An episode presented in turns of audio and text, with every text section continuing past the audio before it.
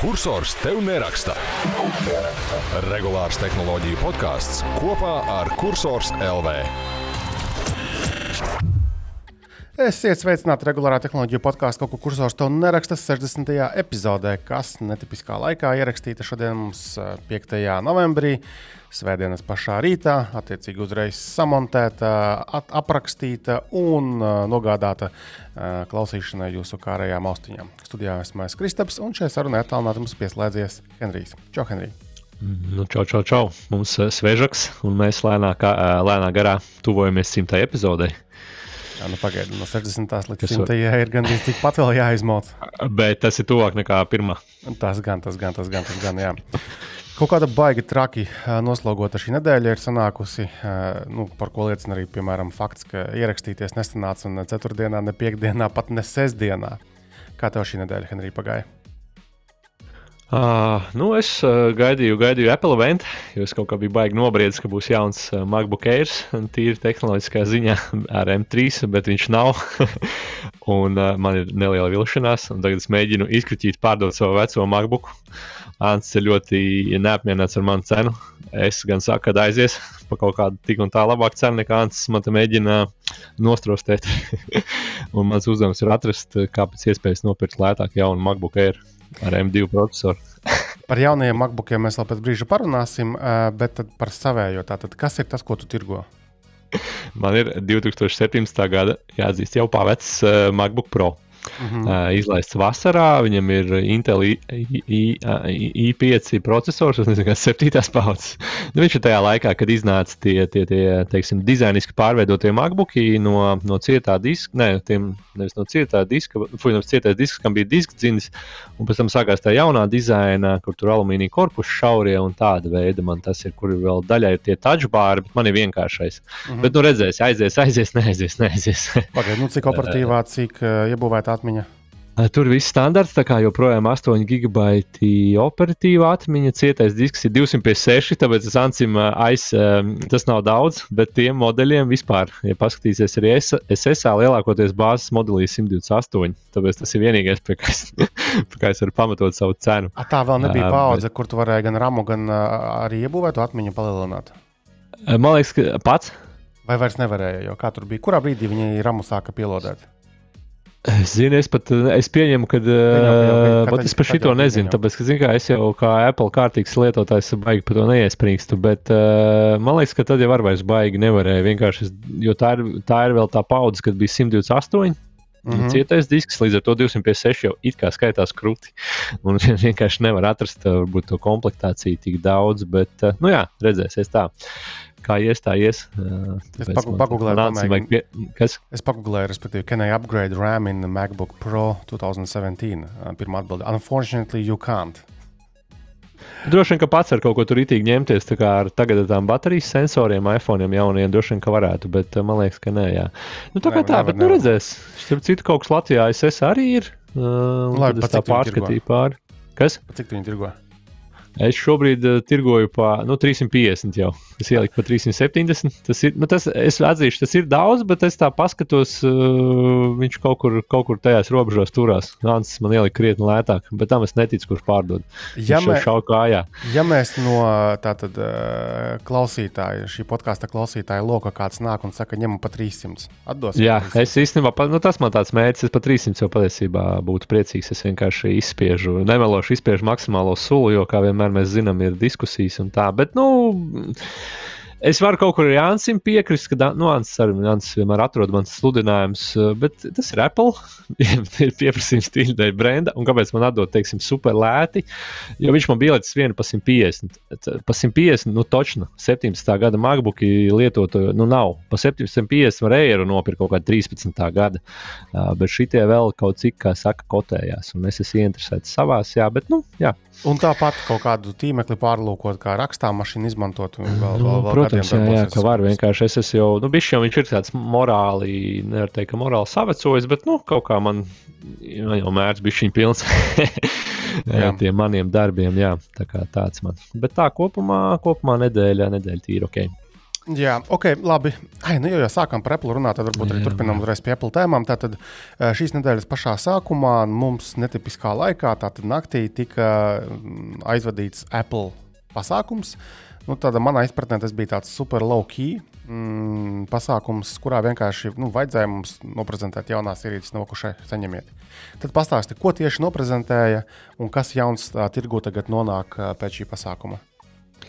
Jā, tā tad eh, naktī, naktī uz otrdienu Apple prezentēja jaunos procesorus, mums jaunos ARM datoru procesorus, kas jau parādījās 20. gadā. Mēs jau daudz runājām, tev pat bija video, nu, bija, bija liels hype, ka tikko parādījās šim M, M1 procesoram. Tad šoreiz jau bija trešā paudze M3, un Apple šajā reizē izziņoja uzreiz eh, gan M3, gan M3 Pro, gan M3 Max. Jo parasti iepriekš bija tā, ka izziņoja M2, Tad pagāja kaut kāds laiks, un izziņoja M2 Pro un M2 e, Max. Un vēl M2 Ultra šo vasaru. Un, sanāk, un, un M2 Max un M2 Pro izziņoja janvārī. Tā kā sanāk, ka tikai principā desmit mēneši pagājuši, un jau ir nākamā paudze izziņot. Kas atšķiras starp šīm versijām M3?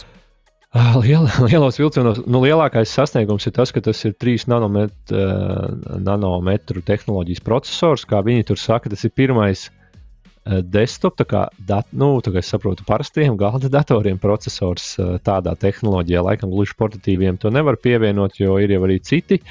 Un, jā, tā ir tas lielākais jaunums, un viņš ir bāzēts uz uh, A17 Pro iPhone procesoru. Uh mhm. -huh. Tā var sanākt, savilkt kopā paralēlis. Jā, tas patiesībā lielākais ieguvums reāli ir. Apple kā parasti ļoti daudz salīdzināja ar M1 pirmo paudzi.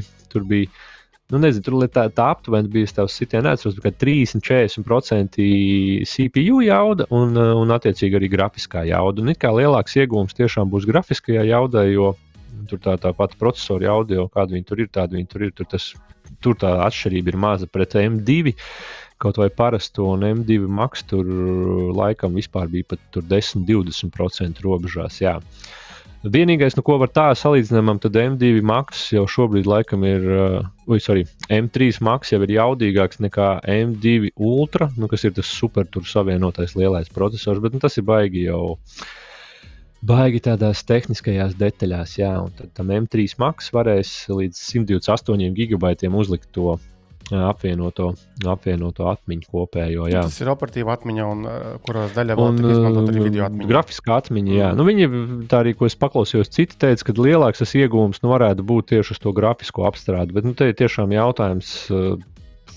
Tur jau ir jāprasa spečukiem, kas tur itīgi eksportē, nu, tad, tad kaut kādus tos noteiktos kodekus tur viņi tur atbalsta no tagad arī. Uh, Nu, tādā, tas ir tādās jau detaļās, pa lielam, kur tie procesori parādās, tad viņi parādās MacBook Pro datoros, kas bija jau 14, 16, jau tā jaunā līnija.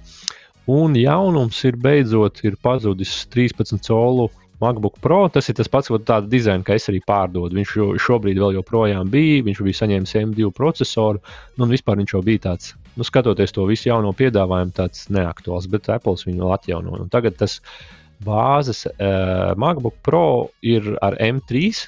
Ar šo klasisko, klasisko bāzes M3 procesoru un saņēmis to jauno saucamo dizainu šasiju. Tad viņš arī jau tāds 14 colu, tāds, tāds kā saka, bišķi monstrīgāks, bet ar to jauno dizainu, kur HDMI var pievienot. Uh, USB-C maksājums, jā, tas viņam ir, bet nu, tur arī visādi ierobežojumi. Tam lētākajam ir tikai divi porti USB-C, kamēr tiem jau tur, tiem, kas ar M3 Pro, M3 Max, tiem ir trīs USB-C, nu, kurš tur visādas tās atmiņas. Un, uh, un, un tas, tas bāzes modelis tagad maksās vismaz Latvijā, sanāk pat vēl vairāk nekā Vācijā, būs 2049 eiro. Tātad eh, MacBook Pro lētākais šobrīd jaunais maksā 2049 eiro, nu, kas ir daudz. Divi jautājumi. Pirmais jautājums. Jā. Uh, tad pavisam no Apple piedāvājuma pazūd 13 solu Pro. Jā, vairs nav tas touchbars. Ar to touchbaru vispār visi šie 13 solu MacBook Pro ir beigušies ar tā, veco saucamo dizainu. Jā, tad MacBook Pro tagad mums turpmāk ir uh, 14 vai 16. Un, jā, tieši tā. Jā.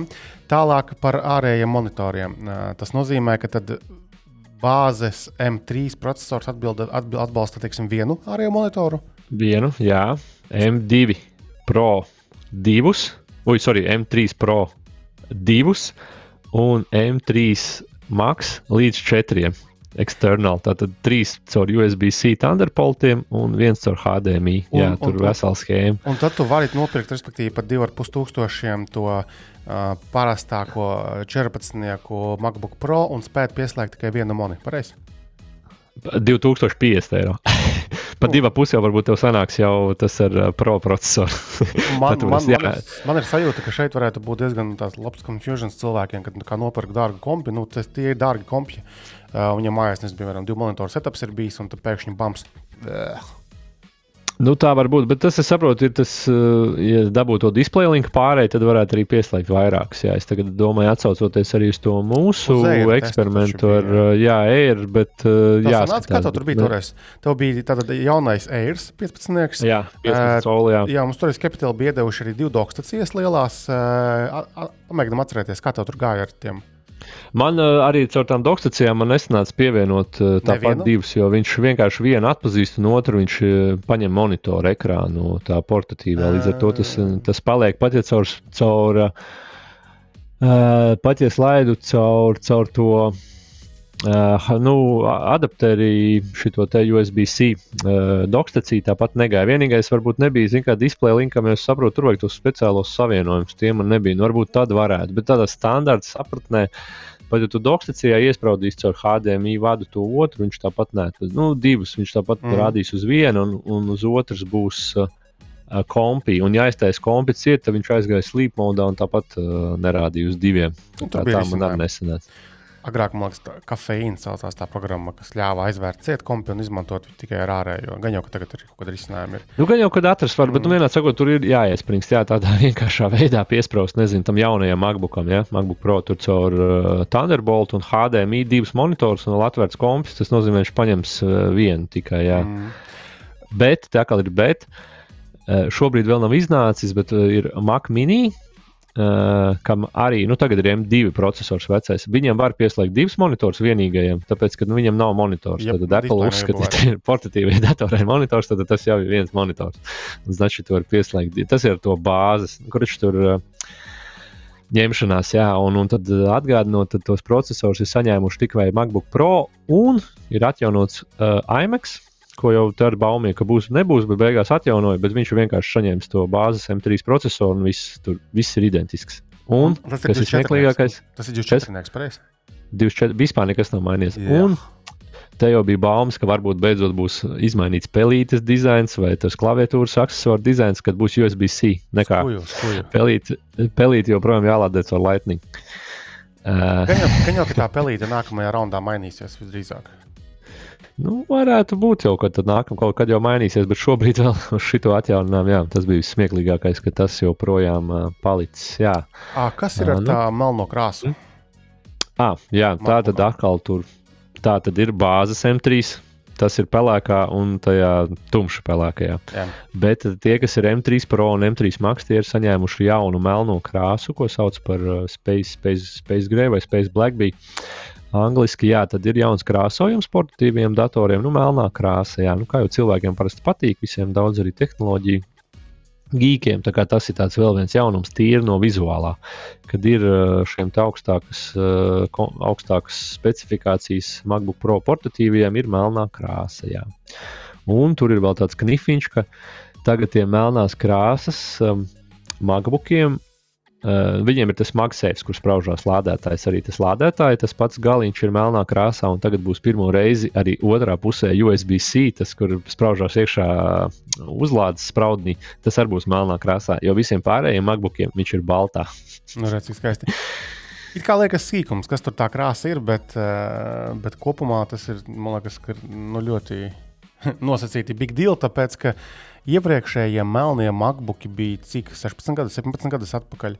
Es atceros, man pašam pirmais MacBooks bija tieši melnais MacBooks. Tas bija tajā nu, plasmasas polikarbonāta korpusā, un tas bija jā, 2006. Tas, kurš pēc abolīša bija izskatās, jā, kas nav tāds kantains. Tāds, Paga, bet nu, tas, ir, tas ir tas, kuram vēl arī izgaismojās tie loguči aizmugurē. Ah, nē, tad nav tev, tas bija sajauts ar to G3. Nē, nē Laikam, tas, jā. tas, tas ir vēl sanāks, jā. jā. Es atceros, toreiz, tas liekas, bija mans pirmais kredīts vispār. Kompis toreiz maksāja ja es nemaldos, kaut kādi 869 vai 860 lati. Uh, un, tas, un toreiz, kas bija kaut kāds daudz, es biju, es biju IT supportā. Uh, Maks Kalga man bija toreiz kaut kāda neta 500 lati vai kaut kas tamlīdzīgs. Respektīvi, stāsts ir par to, ka tas bija Nē, mazāk man alga bija. Tad tas bija dārgs kompis, bet es atceros, ka es ļoti, ļoti, ļoti besījos pirmo laiku, pirmos dažus mēnešus, kamēr vispār piebraucu tajā, tajā maka lietā, jo man nebija līdz šim nekad MacBooks bijis. Es biju tāds sūrais Windows zēns, man bija tur HP kaut kāds uh, Robux vai, vai kas nu tur kompis. Uh, bet tad es pieradu, un, un, un, un, un visērtākā lieta man pēc tam likās tieši šie te, nu, uh, tastatūras saīsnes, ja? visas tā pārslēgšanās mm -hmm. starp logiem, tur komanda Q, komanda dubult vai visas tās lēgāšanās, tas bija wow. Kā tu izdomāji, ka tev vajag Apple tajā laikā?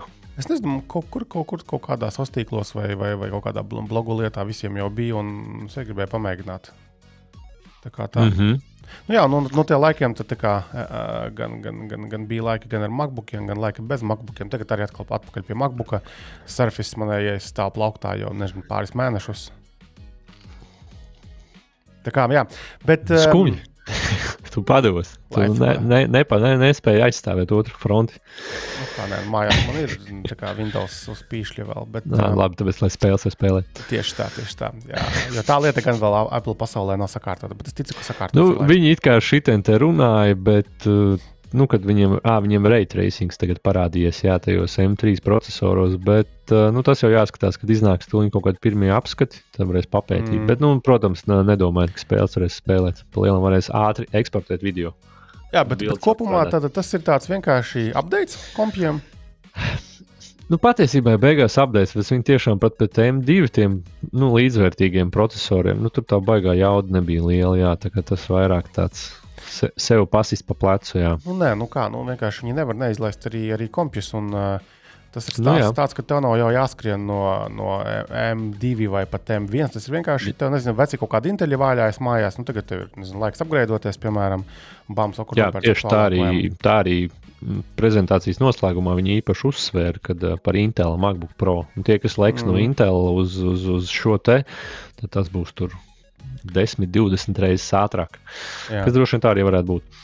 Uh, vēl šodien Apple prezentēja finanšu datus uh, par uh, iepriekšējo ceturksni. Kas, kas tur bija par jaunumiem? Papētīja. Jā, nu tad uh, pirmais ir tas, ka ieņēmumi krītās, nedaudz krītās, nav daudz, bet uh, pa vienu procentu salīdzinot ar iepriekšējo gadu. ceturksni ir nokritušies. Gadu, gadu, jā, ar iepriekšējā gada. Jā. Un, uh, un, un, un, jā, un tad uh, iPhone iet labi un servisiem arī iet labi. Bet uh, viņi tāpat nespēja nu, saka, nosegt tas kas, tas, kas neiet citur. Nu, viena tāpat lieta varētu būt, kad uh, nav gājis vispār ar uh, portatīvajiem. Jo liels lēciens bija M1, kad pārgāja no Intel, tad M2 ir tāds. Uh, Nu, īstenībā ne šis, ne tas, jo viens jau diezgan labi bija. Es vienkārši personīgi gribu arī, nu, man tā kā vairāk patīk tas ēra un jaunais, un es to sev redzu, kā tas man būtu tāds labs man ikdienas darbam, jā, bet, bet, protams, gribās jau jaunāko. Tāpēc es arī baigi, baigi ieciklējos, izdomāju, ka būs MacBook Air ar M3, kas droši vien būs tikai nākamgad. Mm -hmm. uh, jā, nu, vot, un tas, jā, un tad diezgan, diezgan. Uh, diezgan ok iet iPhone. Protams, te grūti spriest, kad iPhone varbūt vēl nevar ierēķināt šitajos te, ka tas jau būs nākamajā ceturksnī. Jā, nu, protams, servisiem iet labi. Uh, visi šie abonementi, kā jau mēs te rakstījām iepriekš, ka tur arī cenas paceļ. bet, bet Apple ir ievilcis savā saimē. Nu, tā kā izskatās, ka šī kopējā nozare jau visur nedaudz bremzējās. Tā kā Apple nav vienīgais. Jā, tad kaut kur iet, kaut kur neiet. Un galvenie vilcēji tad joprojām ir iPhone un uh, servis. Ah, un vispār ir tātad ceturkšņa ieņēmumi ir 89,5 miljardi dolāru. Es tagad uh, paralēli paskatījos, kas man notiek akciju portfelī Apple pozīcijā. Un, uh, tu... Diezgan stabili, nekas tur baigi nebija. Es, jā. Jā, jā, tā kā Apple, Apple viss ir plusos uh, visu šo te, uh, nu, pēdējo gadu noteikti. Un vispār arī nu, tīri pa, pa šiem biznesa nozarēm, tehnoloģiju kompānijas uh, nav šobrīd nokritušās vērtībā. Uh, visi man ir zaļajās, un pārējās tās kompānijas gan ir tādas kad atkal var iepirkties. Tā laikam pareizāk būtu mm -hmm. pateikt. Uh, vēl no Apple es pamanīju tādu interesantu ziņu. Tātad uh, iPhone'os mēs esam redzējuši noteikti, diemžēl, uh, šos paziņojumus, kad uh, savienojumā jau konektorā ūdens šķidrums ticis. Es redzēju kaut kad kādreiz mitrumu. O, es zinu, varbūt kaut kādu iPhone 5, tagad uz jaunajiem gan nav bijis. Nu jā, respektīvi, kaut kā viņi tur māca noteikt, ka ir mitrums, gan jau kaut kur kaut kas varbūt kaut kādā īso ietas, nu, es domāju, tajā konektorā. Un tad, attiecīgi, parādās ekrānā paziņojums telefonā, un tad uh, nav pieejama uzlāde. Mm, es atceros, man bija kaut kur slapjš tas uh, lādēšanas uh, nu, savienojums, konektors, un ar to pietika, lai telefons lamātos. Un tad tā ziņa parādījusies, ka tagad arī šāda lieta parādīsies MacBookos, kad uh, tur kaut kāds servis jau izveidojies, uh, nu, tehniski, uh, kas ļauj noteikt šādas lietas, un attiecīgi palielam paziņot Apple. Tas noteikti ir saistībā ar garantijām. Attiecīgi, tu nevari teikt, o, man apstājās, nezinu, MacBooks vai, vai, vai iPhone, un tad Apple paskatās logos. Ah, mīlīt, tev ir slapjums bijis sportos, tāpēc jā, neslapinam kompjus, neslapinam telefonus, un tad tās ierīces dzīvos ilgāku laiku. Un Bet tas būs tiem, kam ir uh, jaunais uh, MacOS sonoma, ne visiem. Iespējams, iespējams. Jā, tā, tā bija rakstīts, ka tas sanāk arī arī software, gan software, gan hardware tur jā, jābūt atbilstošam. Mm. Kā tev patika tā ziņa, noslēdzot Apple tematiku, respektīvi, mm -hmm. ka it kā Apple Watch esot bijis gatavs jau izmantošanai ar Android ierīcēm, bet nu, šī projekta, teiksim, tur gandrīz palaišanas priekšvakarā tika, tika norauts stopkrāns. Kā tu skaties vispār uz šo jautājumu? Jā, tas, tas bija interesants raksts. Vispār doma, es, es laikam beigās piekritīšu, ka tas viņiem nav izdevīgi. Bija viens viedoklis, ka viņi tādā veidā to ekskluzivitāti pazaudē. Un uh, tad viņiem ir, es kaut kādā mērā domāju, ka tas tirgus jau tev ir paņemts, un tu izlaiž to accessoru, tas vienkārši vēl kaut kāds bonus ir. Uh, nu, uh, pašam Apple. Jo patiesībā mēs redzam, ka Samsung Galaxy Watch ir tāpat un Pixel Watch ir tāpat. Nav jau tā, ka kāds tur baigi būtu parādījis priekšzīmi no citiem lielām kompānijām. Tas nozīmē, ka tā, tas pa lielam no mārketinga viedokļa ievilkt patērētājs, tas strādā atstāt tikai uz to vienu sistēmu. Nu, droši vien, ka tur ir viss arī tās. Uh, Integrācijas un savienojumi, protams, ir ērtāk vienā ekosistēmā, ko tagad visi spiež uh, nodrošināt, jā, visu kaut kādus, uh, droši vien arī savienojumu veidus, tīri tādā ziņā. Bet, nu, skatoties kopumā, es jau gribētu redzēt arī plašāku to te uh, savienojumību. Es uzskatu, ka tas nekas slikts kopumā nebūtu. Jā, tādā ziņā, kāpēc Apple Watch nevarētu, jo tas ir kaut vai arī Uh, nu, labi, tas ir stulbs piemērs, bet, ja tu gribētu, mēs kaut ko gribētu patestēt, piemēram, man iedod Samsung Galaxy, vai viņš jau nevar ņemt viņu, salīdzināt, viņš jau mēs jau pat nevaram saslēgt viņu. Labi, Samsung Watch var saslēgt, lai nāk paziņojumi. Bet tāpat visu veselības informācijai vajag Android telefonu. Nu, tur jau tā problēma, ka tās teksim, integrācijas starp platformām nu, visdrīzāk nepārāk labi darbojas, un, un, un laika gaitā tās visdrīzāk arī būs baigi mainīgas. Un arī, piemēram, atšķirsies tas, ko tu vari dabūt uh, šādu ierīci savienojot ar Samsung telefonu, savienojot nezinu, ar uh, Huawei telefonu, ja nu pēkšņi mums ir nepaveicies dzīvē. Un esam iegādājušies šādu ierīci vai Xiaomi vai Poco. Respektīvi, būs baigākais bardaks. Uh, savukārt, ja tu nopērci Apple Watch tagad un savieno ar iPhone, tev ir vienmēr skaidrs, kas tur būs. Un Apple var garantēt kaut kādu funkciju, nu, kas tiek piedāvātas, korektu izpildi, vairāk vai mazāk. Nē, nu, pie tā jau arī pie tā es palieku. Jā, beigās jau sanāk, uh, droši vien no lietotāja viedokļa besītos vairāk, ja saslēgtu šo Samsung savu Apple, nu, ar savu iPhone un palielu. Nu, tā ķipa nevajag darīt, jo nu, uzņēmums zina labāk. Mm. Jā, tādā ziņā. Un atkal, Bet no... es, es tā ziņā zinu kaut kā dīvaini, ka viņi tomēr tagad tā uzpeldējusi pēkšņi. Apple Watch var no tirgu pirmo gadu. Vienkārši grūti saprast, pa kuru periodu ir runa. Vai kaut kad nesen, vai no pirmsākumiem. No, jo tur tā ap... konkrēti, konkrēti nebija vispār minēts. Es pat vairāk sapratu, ka tas ir kaut kad salīdzinoši nesen. Mm, jā, tur nav minēts par, par, par laiku. Nu jā, tā kā lietojam uh, Apple Watchus ar iPhone un visus pārējos pulksteņus ar, ar, ar pārējām lietām. Nu, izņemot, ja Gārmins, es arī rakstā minēju, ka Gārmina Polars un Tonu tiem jau nav tādas izteikts. Viņi jau vienkārši vairāk datus tikai tā nosūta, tur nav baigi kaut kādas vēl tur papildus tādas integrācijas. Mūsu Android eh, zēns eh, Ansis taču dabūjis uz testu. Tagad ir Garmin Forerunner 965. Nu, tāds nu, nelētā uh, gala Garmins. Loši, uh, un, un kaut ko viņš tur sūkstījās vienu vakaru, kad cik viss tur, nezinu, tīzli izskatās. Uh, pat viņš kā Android cilvēks. Tas ir līmenis. Jā, tieši lietotnē Gārmiņa. Viņu nav. Jā, nav kaut kas forši. ar lietotni nebija labi. Viņi arī uz iPhone tādu, nu, tādu smagnēji. Jā. Bet nu, tas nav tam palielam paredzēts. Ar viņu vienkārši ir jāsparto un, un, un pēc tam var kaut ko paskatīties telefonā. Es tā uztveru. Jā, tā kā, tā kā apskats tur būs drīzumā, un paskatīsimies, uh, pamatīgāk izlasīsim, kas tur Ansim patika vai nepatika. Lūk, ok, uh, Apple, es domāju, tad, kā ir nokavērots uh, bloks, un uh, mm, es vakar biju teātrī, gribēju īstenībā to pat pastāstīt. Respektīvi, Dailas teātrī mm, izrāda Rotko. Tātad, nu, jā, nu, saistībā, protams, ar to pašu no Dārgopils izcēlušos mākslinieku lielo, kura darbs ir visdārgākais pārdotais mākslas glezna pasaulē, vai vismaz pa vaiprātīgu naudu tur bija pārdota. Bet kāpēc es šo izrādi pieminu tehnoloģiskā podkāstā? Tāpēc, ka pati izrāde bija ļoti interesanti uzbūvēta. Uh, respektīvi, tur ir nu, skatuve ar tām dekorācijām. Un uh, turpat arī displeji ir augšā nu, vai sānos. Un, uh, tātad izrādes gaitā uh, vazājas uh, džekiņi, kas filmē aktierus un visas tās. Uh, Uh, tās sarunas, uh, diskusijas, nu, vai monologi vēl arī parādās nu, kā, kā, kā, kā nu, displejos augšā. Respektīvi, it kā, tu esi, it kā tu skaties filmu, bet reizē tu esi teātrī, kurā ir tie paši aktieri uh, un uh, visi tie tūplāni nu, ārkārtīgi skaisti uh, un noskaņīgi. Vispār visa tā izrādes pirmā daļa man atsita tādu nu, cyberpunk uh, vaibiņu, mazliet tādu noskaņojumu. Un uh, ļoti labs muzikālais pavadījums, ļoti skaļi.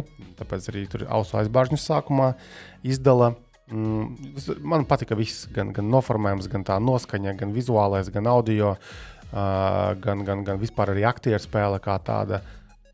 ļoti rekomendēju. Tā kā, ja, ja, ja tā kā teātris mīlam, arī mm, var aiziet. Mēs arī ar sievu braucām atpakaļ un, un, un, no, no izrādes un uz mājām un runājām, ka, nu, ka Dailas teātrī nu, baigi jaudīgā šāda izrāde. Un, acīm redzot, kaut kas ir baigi pamainījies. mm, Jo agrāk jau Nu, tā runā tautās, ka dēls teātrī arī tagad var iet. Ka nav Jā. Tikai uz JRT, visiem jāiet. Tieši tā, ka tagad uh, Top Dog uh, varētu būt Dailas teātris uh, Rīgā. Jo agrāk nu, Dailē bija kas bija tādi nu, visiem saprotami, tāda popsīga uh, teātris izrādes. Ja? Nacionālais Nu, tikmēr kaut kāds Klīni old droši vien tā varētu teikt. Jā. Nu, plus vēl labi, tur Džilinģera ērā bija kaut kāda tur, tas Kaligulas šokējošas, bet nu, tas tā kā ir pārdzīvots. Tā kā, jā, ļoti rekomendēju. Uzreiz papētījām repertuārā, kādas vēl interesantas izrādes, un cilvēkiem daudz patīk arī citas izrādes. Es domāju, ka būtu jāiet uh, arī vēl, bet Rotko noteikti rekomendēju, mēģinām tikt un paskatīties. Tad tev nākamā, nākamais hobijs būs, jo tu jau iesāki pa elektroautorātu, kad tu brauc mājās, tad tur es stāstīju tagad 20 minūtes, un tad tu būsi teātris kritiķis. Tad mēs redzēsim, varēsim ar Jurģi kaut ko diskutēt. Jāsagaida, kad viņš atlidos no San Francisco un pastāstīs. Viņam būs iespēja noteikti. Es domāju, ka San Francisco ir interesanta uh, pilsēta. Ļoti diametrāli pretēji skati. Man uh, vairāk atmiņā palikuši tiešām visi tie, uh, tie, tie, tie, tie bezpajumtnieki, narkomāni un, un tas viss ir reāli trešīgais skats uz galvenās ielas. Nav svarīgi nakts vai dienas vidus, vienkārši viņi tur ir. Un tā ir milzīga būtiska problēma. Un, diemžēl, arī šīs pilsētas vizītkarte. Nevis tur tikai tie uh, tilts, skaistais un, un, un viss vispārējais. Bet sagaidīsim, Jurģi. Uh, tā kā tas ir par teātri. Tālāk, uh, ja jau ie- ieslīdējām vēl aktuālajās tēmās par tām elektroautobusu eksperimentu, respektīvi, kas tur tad jauns mums ir parādījies. Uh, šajā nedēļā esmu uzrakstījis un publicējis rakstu. Kā es centos noskaidrot mana lietotā elektroautorāta tehnisko stāvokli, tad es biju solījis, ka būs šāds raksts, un tad es īsumā arī uh, noraksturoju. Parasti jau uh, mašīnas mēs pārbaudām pirms pērkam, bet nu, šajā gadījumā tā, tā mašīna tika pirkta ārzemēs, atkal bija raksts arī par to, uh, kā BRC man palīdzēja dabūt šo mašīnu un atgādāt uz Latviju. Uh, tad tagad es varēju pārbaudīt reāli to mašīnu nu, pilnvērtīgi tikai post factum, kad Latvijā jau tā mašīna bija eksploatēta nedēļu, divas. Nu, lūk, un tad um, tajā rakstā tad es vienkārši apskatījos, ko mēs varam dabūt no šīm autodēnā vai kā ar vertikālu vai tam līdzīgiem tiešais tas uh, vinu pārskatiem. Nu, tad manā auto gadījumā. Nu, neko jau es tur tādu baigi neredzēju. Un tie pārskati nav lēti. Tur viņi var maksāt 15 un pat dārgāk eiro par to vienu atskaiti.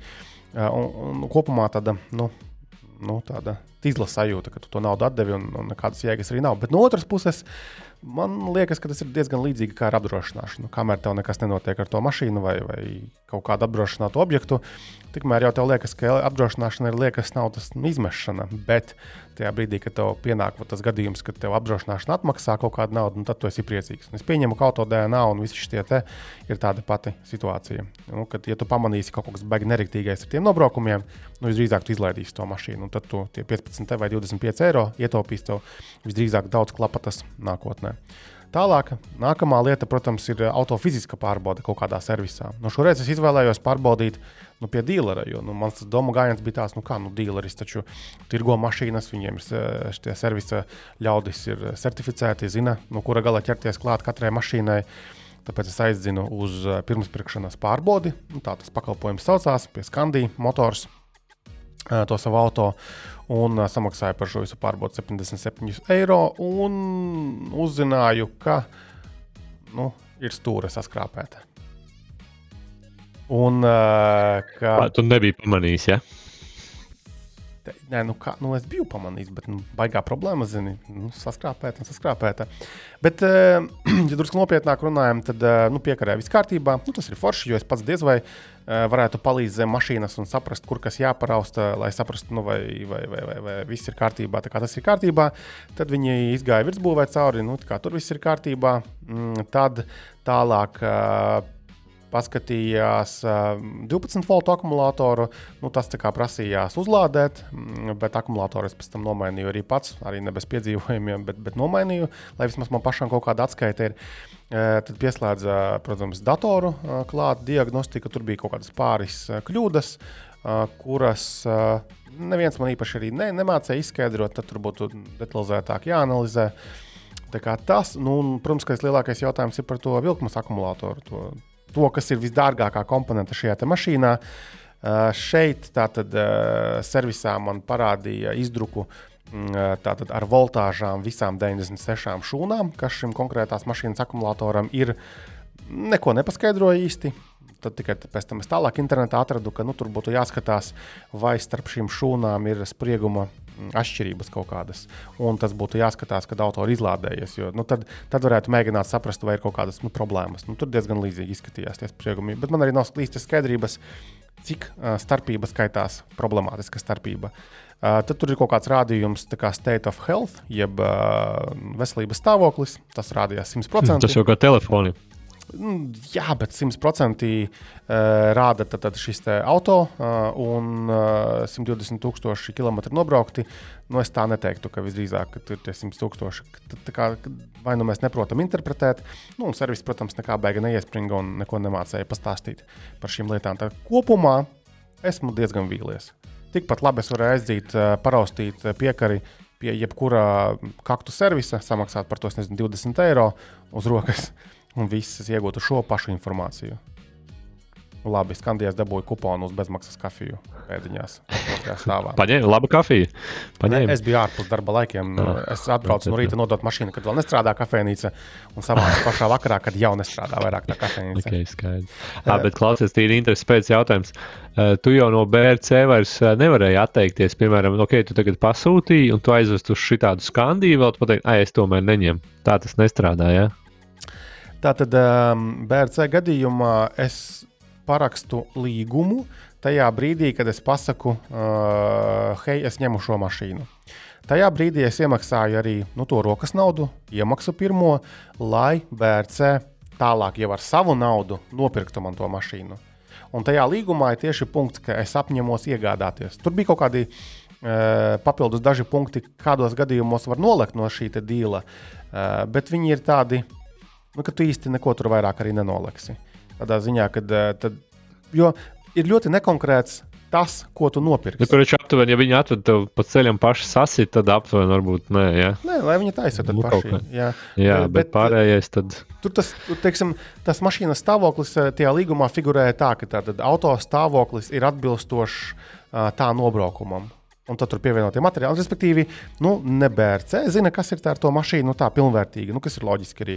Ne arī es zinu. Ja? Protams, ka viņi tur piedāvā mm, kā, garantiju kaut kādu tiem pirkumiem. Twitterī un, un, un komentāros tur bija ļaudis, kas ļoti iespringa, nu, ka tur baigi jāturpie dziesmas un par katru kaut kādu sīkumu. Mana personīgā nostāja ir tāda, hei, nu, tu pērc kaķa maisā, tas ir lietots auto. Tur vairāk vai mazāk visdrīzāk būs kaut kādi pekstiņi. Un, nu, kas tur neviens nevar garantēt? Es ticu, ka BRC ir pietiekami Mm, liela rūpe par savu zīmolu, un kaut ko viņi skatīsies, kaut ko viņi uh, pielabos. Varbūt kaut kādas lietas, ja tiešām būs problēma. Bet, um, Nu, šeit nevajag arī iebraukt galējībās. Noteikti ir arī. Viņi jau palielina nodrošina pakalpojumu, vairāk atvešanas un reģistrācijas. Es jau neteiktu, ka viņi pusi, ir. Jā, uz to pusi. Jā, tu jau es, es jau pērku vairāk nekā es jau izvēlos. Ne jau un, un galu galā arī, man... arī pērkot kaut kādas parastās mašīnas, nu neviens neielīdīs ne kārbā, ne motorā. Nu tā, pilnvērtīgi. Un attiecīgi tu nezini, ko tu tur nopirki. Ja? Tā kā nu, būsim reāli. Uh, lūk, ah, un visbeidzot, es arī turpinot savus diagnostikas piedzīvojumus, es arī atradu skapī um, šo OBD dongli, mm, jeb adapteri, uh, savienojos pats pie mašīnas, pamēģināju saprast, ar kuru lietotnes, kur varu tikt klāt. Um, noskanēju tās pašas kļūdas, piekļuvu tai pašai informācijai, kas arī pie dīlera bija, nu, vienkārši citā viņu, viņu servisa lietotnē. Aptuveni tikpat gudrs es kļuvu arī kā, kā pēc skandija apmeklējuma. Lūk, tas ir viena lieta ar to mašīnu, un otra lieta ir, jā, ziemas riepas beidzot nomainīju uz Bridgestoniem, kas tur bija blīzāki. Jā, laikam. E, par to laikam vajadzētu atsevišķu rakstu, bet vēl neesmu atradis normālu riepu partneri, kas varētu man paskaidrot, atbildēt dažiem maniem jautājumiem. Lūk, ah, un noskaidroju no skandija beidzot arī apkopju grafiku intervālu šai konkrētajai mašīnai pie 120 tūkstošiem, tur, kur kā reiz paredzēta liela apkope, kurā mainās uh, laikam tā reduktora mm, šķidrums, eļļa, filtri, salona gaisa filtrs, bremžu šķidrums un antifrīzs. Tur kaut kādi 400 eiro aptuveni varētu būt, kas man liekas daudz, bet um, tur jāpapēta. Pagaidām, tev tas vēl jādara? Tev... Uh, jā, tas man būtu jādara. Tīri pašam arī atskaitēji, lai saprotu, kurā brīdī kas ir darīts. Mm -hmm. Labi, salona filtrus pats nomainīju, akumulatorus pats nomainīju, uh, bet pārējās lietas pats īsti varbūt negribu mainīt. Un kas mums tur vēl bija? Ah, jā, tad, tad es arī pirmos 1000 km esmu norulējis. Tieši man bija brauciens šajā piekdienā, sestdienā uz Liepāju un atpakaļ. Un tātad 1000 km lādējoties gandrīz tikai publiskajā, publiskajos tīklos uzlādes, man izmaksāja nepilnus 50 eiro. Un, kā jau mēs Twitterī noskaidrojām, tad, tad tas ir mazliet lētāk nekā ar normālu dīzeli braucot. Tikai atšķirība tāda, ka esmu pavadījis tur vairākas stundas.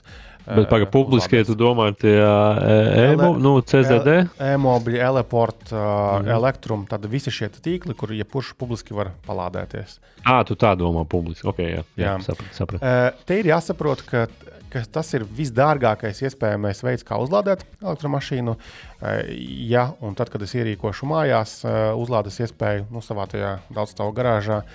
Tad uh, kilovatstundas cena man būs nu, 20 daži centi. Tagad vidējā cena publiskajos tīklos, tā pamēģināju aptuveni sarēķināt, ir kaut kāds 30, 35 centi. Tā kā nu, ir dārgāk. Diezgan, jā. Bet, klausies, labi, var pastāstīt par to dzīvokli. Tātad, tu principā tevi kaut kāda stāvvieta, ja tavējā, tad tu pie viņas liks to, to boksu Jā, tad eh, nu, manā gadījumā nu, daudz no mums dzīvo dzīvokļos, bet tā mazā nianse, ka mums ir jā, daudz stāvu autostāvvieta tam ciematam, kurā es dzīvoju. Tur man ir nopirkta stāvvieta, nu, vai kā tā saucās, domājamās daļas. Un šeit mums ir iespēja pievilkt klāt nu, atsevišķu pieslēgumu. Nu, no sadales skapja šīs ēkas uzlikt savu kontrolu skaitītāju, un tad, principā, ierīkot arī mašīnas pusē šo wallboxi, un tad es varu lādēties, tā, kad man vajag pa nakti. Un uh, tad mēneša beigās, ja man rēķinā vienkārši pieliks klāt to elektrības cenu pa to tarifu, kas tajā konkrētajā mājā apsaimniekotājiem ir pieslēgts. Tā tas darbojas. Protams, lai to varētu mm -hmm. izdarīt, uh, man bija tā doma, ka ha, vai man jādabū piekrišana no visiem šiem pārējiem um, garāžas īpašniekiem, bet tā nav. Pagaidām mūsu gadījumā mums pietiek ar ar vienu dokumentu, kurā pa lielam es uh, apsolos, ka, ka es uzņemos pilnu atbildību par to, kas notiek šajā garāžā, kad es tur ievelku savu elektrību. Vispār būs jāpadomā, vai man negribēsies kaut kādu, nezinu, civiltiesku apdrošināšanu, vai kā to pareizi nosaukt. Jo nu, es varu atbildēt, varbūt, kas notiek ar to mm, uzlādes brīdī, bet es negribētu atbildēt par kaut kādu elektriķa mm, darbu, kas ir ievilcis līdz manim to elektrību, jo tas jau tā nav no mana joma, tā nav mana atbildība. Lūk, bet, principā, jā, apsaimniekoties mm -hmm. tur labi atrakstās. Plus, vēl tur interesants punkts ir tāds, ka mm, tāda, tas tā kā uz gadu ir, pēc tam būs jāpagarina, un, attiecīgi, ja kaut kādā brīdī sāks pietrūkt jaudu, nu, kas ir tikai laika jautājums, tad man obligāti būs arī jāiesaistās. Jaudu teiksim, palielināšanā. Attiecīgi, kaut kādā brīdī man būs jāmaksā visdrīzāk vairāk tikai tāpēc, lai varētu nodrošināt šo pieslēgumu.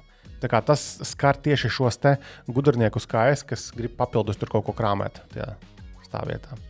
Vispār diezgan gudri. Vispār interes, inter, ne, nu tas, jā, vispār interesants tas te, jo nu, tas nav paredzēts nu, bāzē, un plus, kas noteikti, nezinu, varbūt tev kāds pie, paprasīs, piemēram, kāds ar nopirks elektroautorātu, viņš negribēs pie sevis.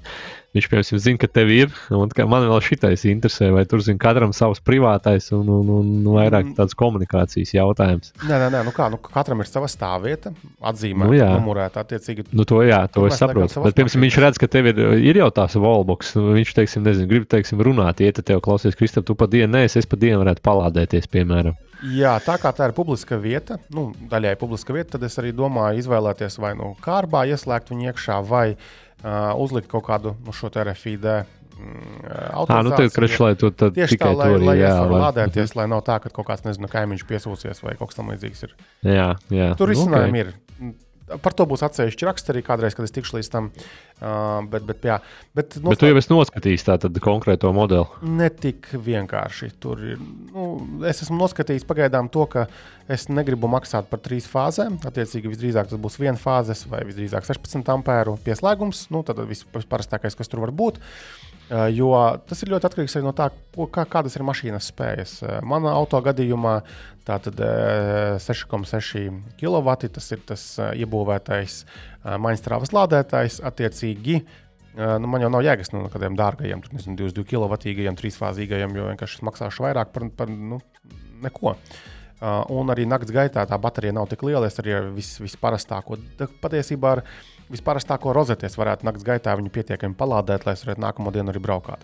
Bet tas, ko es tagad redzu, teiksim, pēc šīs te, nu, tūkstoš kilometriem nobrauktajiem un pāris nedēļām, ka tik maza, uh, mazas baterijas elektromašīnai nu, nenormāli svarīgi ir tomēr iespēja uzlādēt uh, mājās. Piemēram, arī vakar Vakar es atbraucu no Liepājas. Man vajadzēja pabraukt tur uz vienu bērnu ballīti, aizvest eh, ģimeni, atvest atpakaļ, pēc tam uz teātri, pēc tam atpakaļ.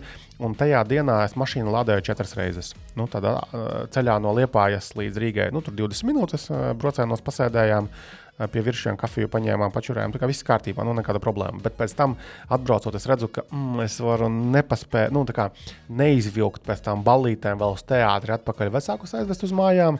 Tad tur man vajadzēja pie sāgas teleportā minūtes desmit pasēdēt. Un vakarā braucot mājās, es tātad, domāju, à, lai man šodien nav jādomā par lādēšanos, tad vakarā vēl palādējos. Tā kā principā Twitterī jau tur krāšņi viss izsakās, cik tas ir stulbi. Uh, Nu, es neteiktu, ka tas ir stulbi, tas ir vienkārši ir jāierēķina ikdienā. Tāpat mēs telefonos visi bakstāmies vakar kā reizes. Nē, nu, čakars ir. Nu, tev tādā ziņā, ka tev jāzina, kur tās uzlādes ir. Tev nu, jādomā, līdz no tomēr ir. Nu, to tu nevari noliekt. Tā nav baigā problēma. Jo, nu, kā, man liekas, ka tā bažas, ka kaut kur izlādēsies, vai ka tu neatradīsi lādētāju, vai ka lādētājs būs aizņemts, reāli ir nu, tiem, kas nebrauc ar tām elektromašīnām. Tā kā man ir jau pieredze no tiem tūkstošu mūsu kilometru testiem, uh, Man nav baigā bažas. Ot, vakar, piemēram, arī Tad liepājā mēs drusku tur aizkavējāmies, braucot uz, uz mājām. Man bija doma, ka nu kā, nu, lādēšos bikstos, jo tur ir tās dzirnaviņas vai kā to vietu sauc, kafejnīca var normāli pēst. Bet tā kā mums tur liepājā, mēs tur bijām nokļūdījāmies, nācās pariņķot un vajadzēja ar saldu izbraukt. Uh, Um, es jau pabraucu garām brocēniem, nu, uz tiem bikstiem tur 25 km kaut kādā. Es skatos, ka tātad range atlikums man uh, krīt straujāk nekā attālums līdz tiem bikstiem. Un tad vienā momentā nācās griezties riņķī un braukt atpakaļ līdz tiem pašiem brocēniem, lai, ne, lai mēs nepaliekam kaut kādus dažus kilometrus līdz bikstiem un nekurienē, un viss balīti ir beigusies. Tas ir stulbi. Uh, Twitterī jau dīzelisti ierēca par to, bet nu, Ierēkt viņi var, bet es negribu palikt ceļa malā. Tad, tad man būtu uh, jāierēdz par sevi. Tā kā ir, ir nianses, ir nianses. Par to aizņemtību. Nu, nav nemaz tik aizņemti uh, tie lādētāji. Nu, pat ja aizņemti, tad pagaidīja kaut ko bišķiņu. Bet ir jā, Droši vien ideāls vērā. variants būtu, ja ir oficiālā kaut kāds lādētājs, tiem, kam ir pieejami, nu, arī tādi tā, mājās tā, tie boxi kaut kādi, tad jau vispār. Nā, mājās naktī būs pietiekami. Un nu, vai tā, jā, kā tu teici? Jā, un es plānoju kaut kādā tuvākā mēneša laikā tikt līdz tam. Tas, tas būtiski mainīs tomēr to uh, lietošanas pieredzi un drusku samazinās arī izmaksas uh, tieši uz enerģiju. Jau ir labi, uh, bet būs drusku vēl labāk. Vislabāk, protams, ir tiem, kam ir iespēja lādēties pēdiņās pavēlēt darba vai, jā. vai no saules paneļa enerģijas. Uh, radītās. Tā kā tas eksperiments joprojām turpinās kopumā, man ļoti patīk tā mašīna, tā braukšanas pieredze ir pavisam citādāka nekā ar jebkādām pat krūtām, mm, parastajām mašīnām. Tā visa dinamika, klusums, gaita, nu, tas ir next level stuff. Tu grozi kā gribi. Pat ar tik prastu un tik vienkāršu elektroautorātu, kuram visu laiku ir jālādē. Tālāk. Uh, Tā, varbūt es pie reizes noskaidroju, kuram tas ir, vai tas neiztur baigīgi tālāk iedziļinājies. Nav tā, ka tas ir uh, Zigmāra gangam. Grobiņas Tesla servis, džeki nopirkuši sistu uh, šajā izsolē Amerikā, tīri, lai iebrauktu, kas tā par mašīnu. Un, un, un, un ah, nē, es domāju, ka tas ir parādījies. Jā, bija. Mhm. Varbūt, nu, varbūt, bet varbūt es arī maldos. Jā. Ah, un tad bija jautājums vēl arī, kas ir tām sabiedriskā transporta joslām un, un stāvvietām, vai tas ir big deal. Nu, uh, manā gadījumā stāvvietas ir foršs uh, bonusiņš, piemēram, vakar pie teātra, nu, atradu to vietu, kaut kur tur nolikies, nedomā par to. Uh, pie darba man ir vieta, kur es tāpat turu to mašīnu. Tad, tā, tādā ziņā man nevajag katru dienu domāt par tām stāvvietām. Bet tas varētu būt jauki, tāpēc ka nu, Rīgā tomēr centrā nu, savi 150 eiro varētu maksāt tev mēnesī tieši kaut kur garantēta stāvvieta. Nu, vai arī baigās Bet, nu, aizbraukt, teiksim, uz centru, nu, kad ir sastrēgums stundā, tad tu izmanto to joslu.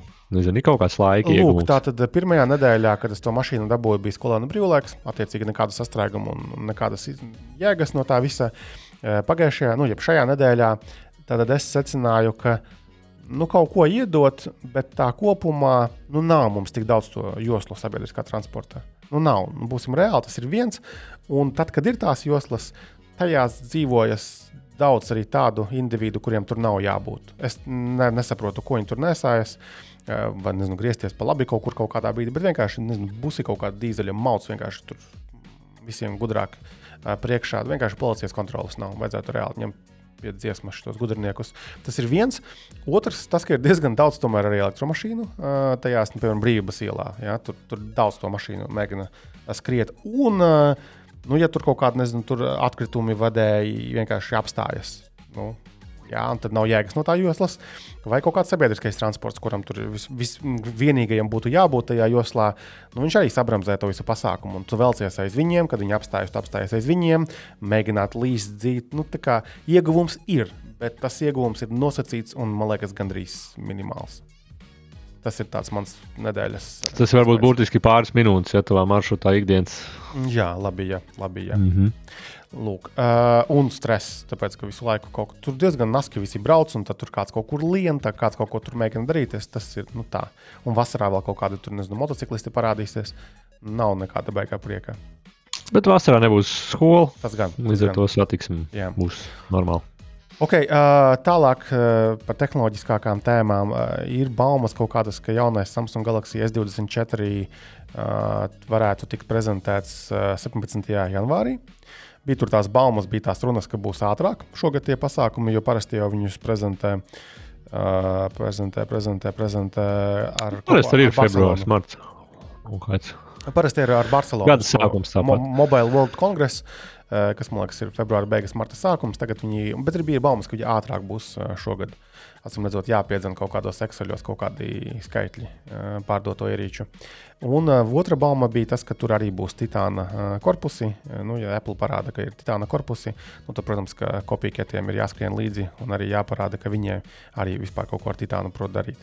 Vispār bija diezgan liels cepiens arī šai Xiaomi par titāna korpusiem kaut ko tur runājās. Tad bija es kaut kādu diskusiju redzēju, Twitterī interesantu šonadēļ, ka Tātad tur bija pārmetums, ka nu, labi, titānu izmanto, un tur tas saskarne ir ļoti IO esīga, uh, nu, ļoti neglēmojoši teksti, kas veltīti ķīniešu virzienā. Bet atkal, nu, tas nav nekāds jaunums. Uh, visi dara diezgan līdzīgas uh, lietas. Kā labākais telefons pasaulē. Jā, jā, jā. Lūk, uh, tev par Samsung ir ko pieminēt pagaidām? Vai? Nē, nu šīs būtiski svaigas ziņas, ja es uzmetu acis, tas būs tikai ultramodelim, ja, ja piemetina, ka Samsung Galaxy S24 Ultra. Nu, tā tad līdzīgi kā iPhone, kad pro, pro sērija atšķirās kaut ko pret parasto, jā, bet uh, vispār nav dzirdēts nekādas baumas, starp citu saistībā ar S24. Tā jau var droši vien būs kaut kāds pēdiņās minor, minor, uh, minor update. Jā, jā. Starp citu, Samsung, kur ir uh, testa ierīces tām FE versijām? Kā solīja, solīja Nezinu, kaut kur pačukājuši atbildēt. Vispār Samsung kaut kur riktīgi pazuduši ir, laikam. Nu, drīzāk, kā cīm redzot, bloga biznesa uh, nu, mums pa sliktu, bet varbūt jau krūta, krītās popularitāte. Nezinu, tu jau labāk vari izspriest. Tev pieredze lielāka. Tad dabūsim atsevišķu kaut kur tās ierīces un, un notestēsim, uzrakstīsim, kā ir. Tālāk, uh, kas tur bija Facebook pasaulē jauns. Facebook um, viņi ir palaiduši Mm, Eiropā. Uh, Eiropā, ja tos Facebook un Instagram maksas abonementus, kuros reklāmas nerādās.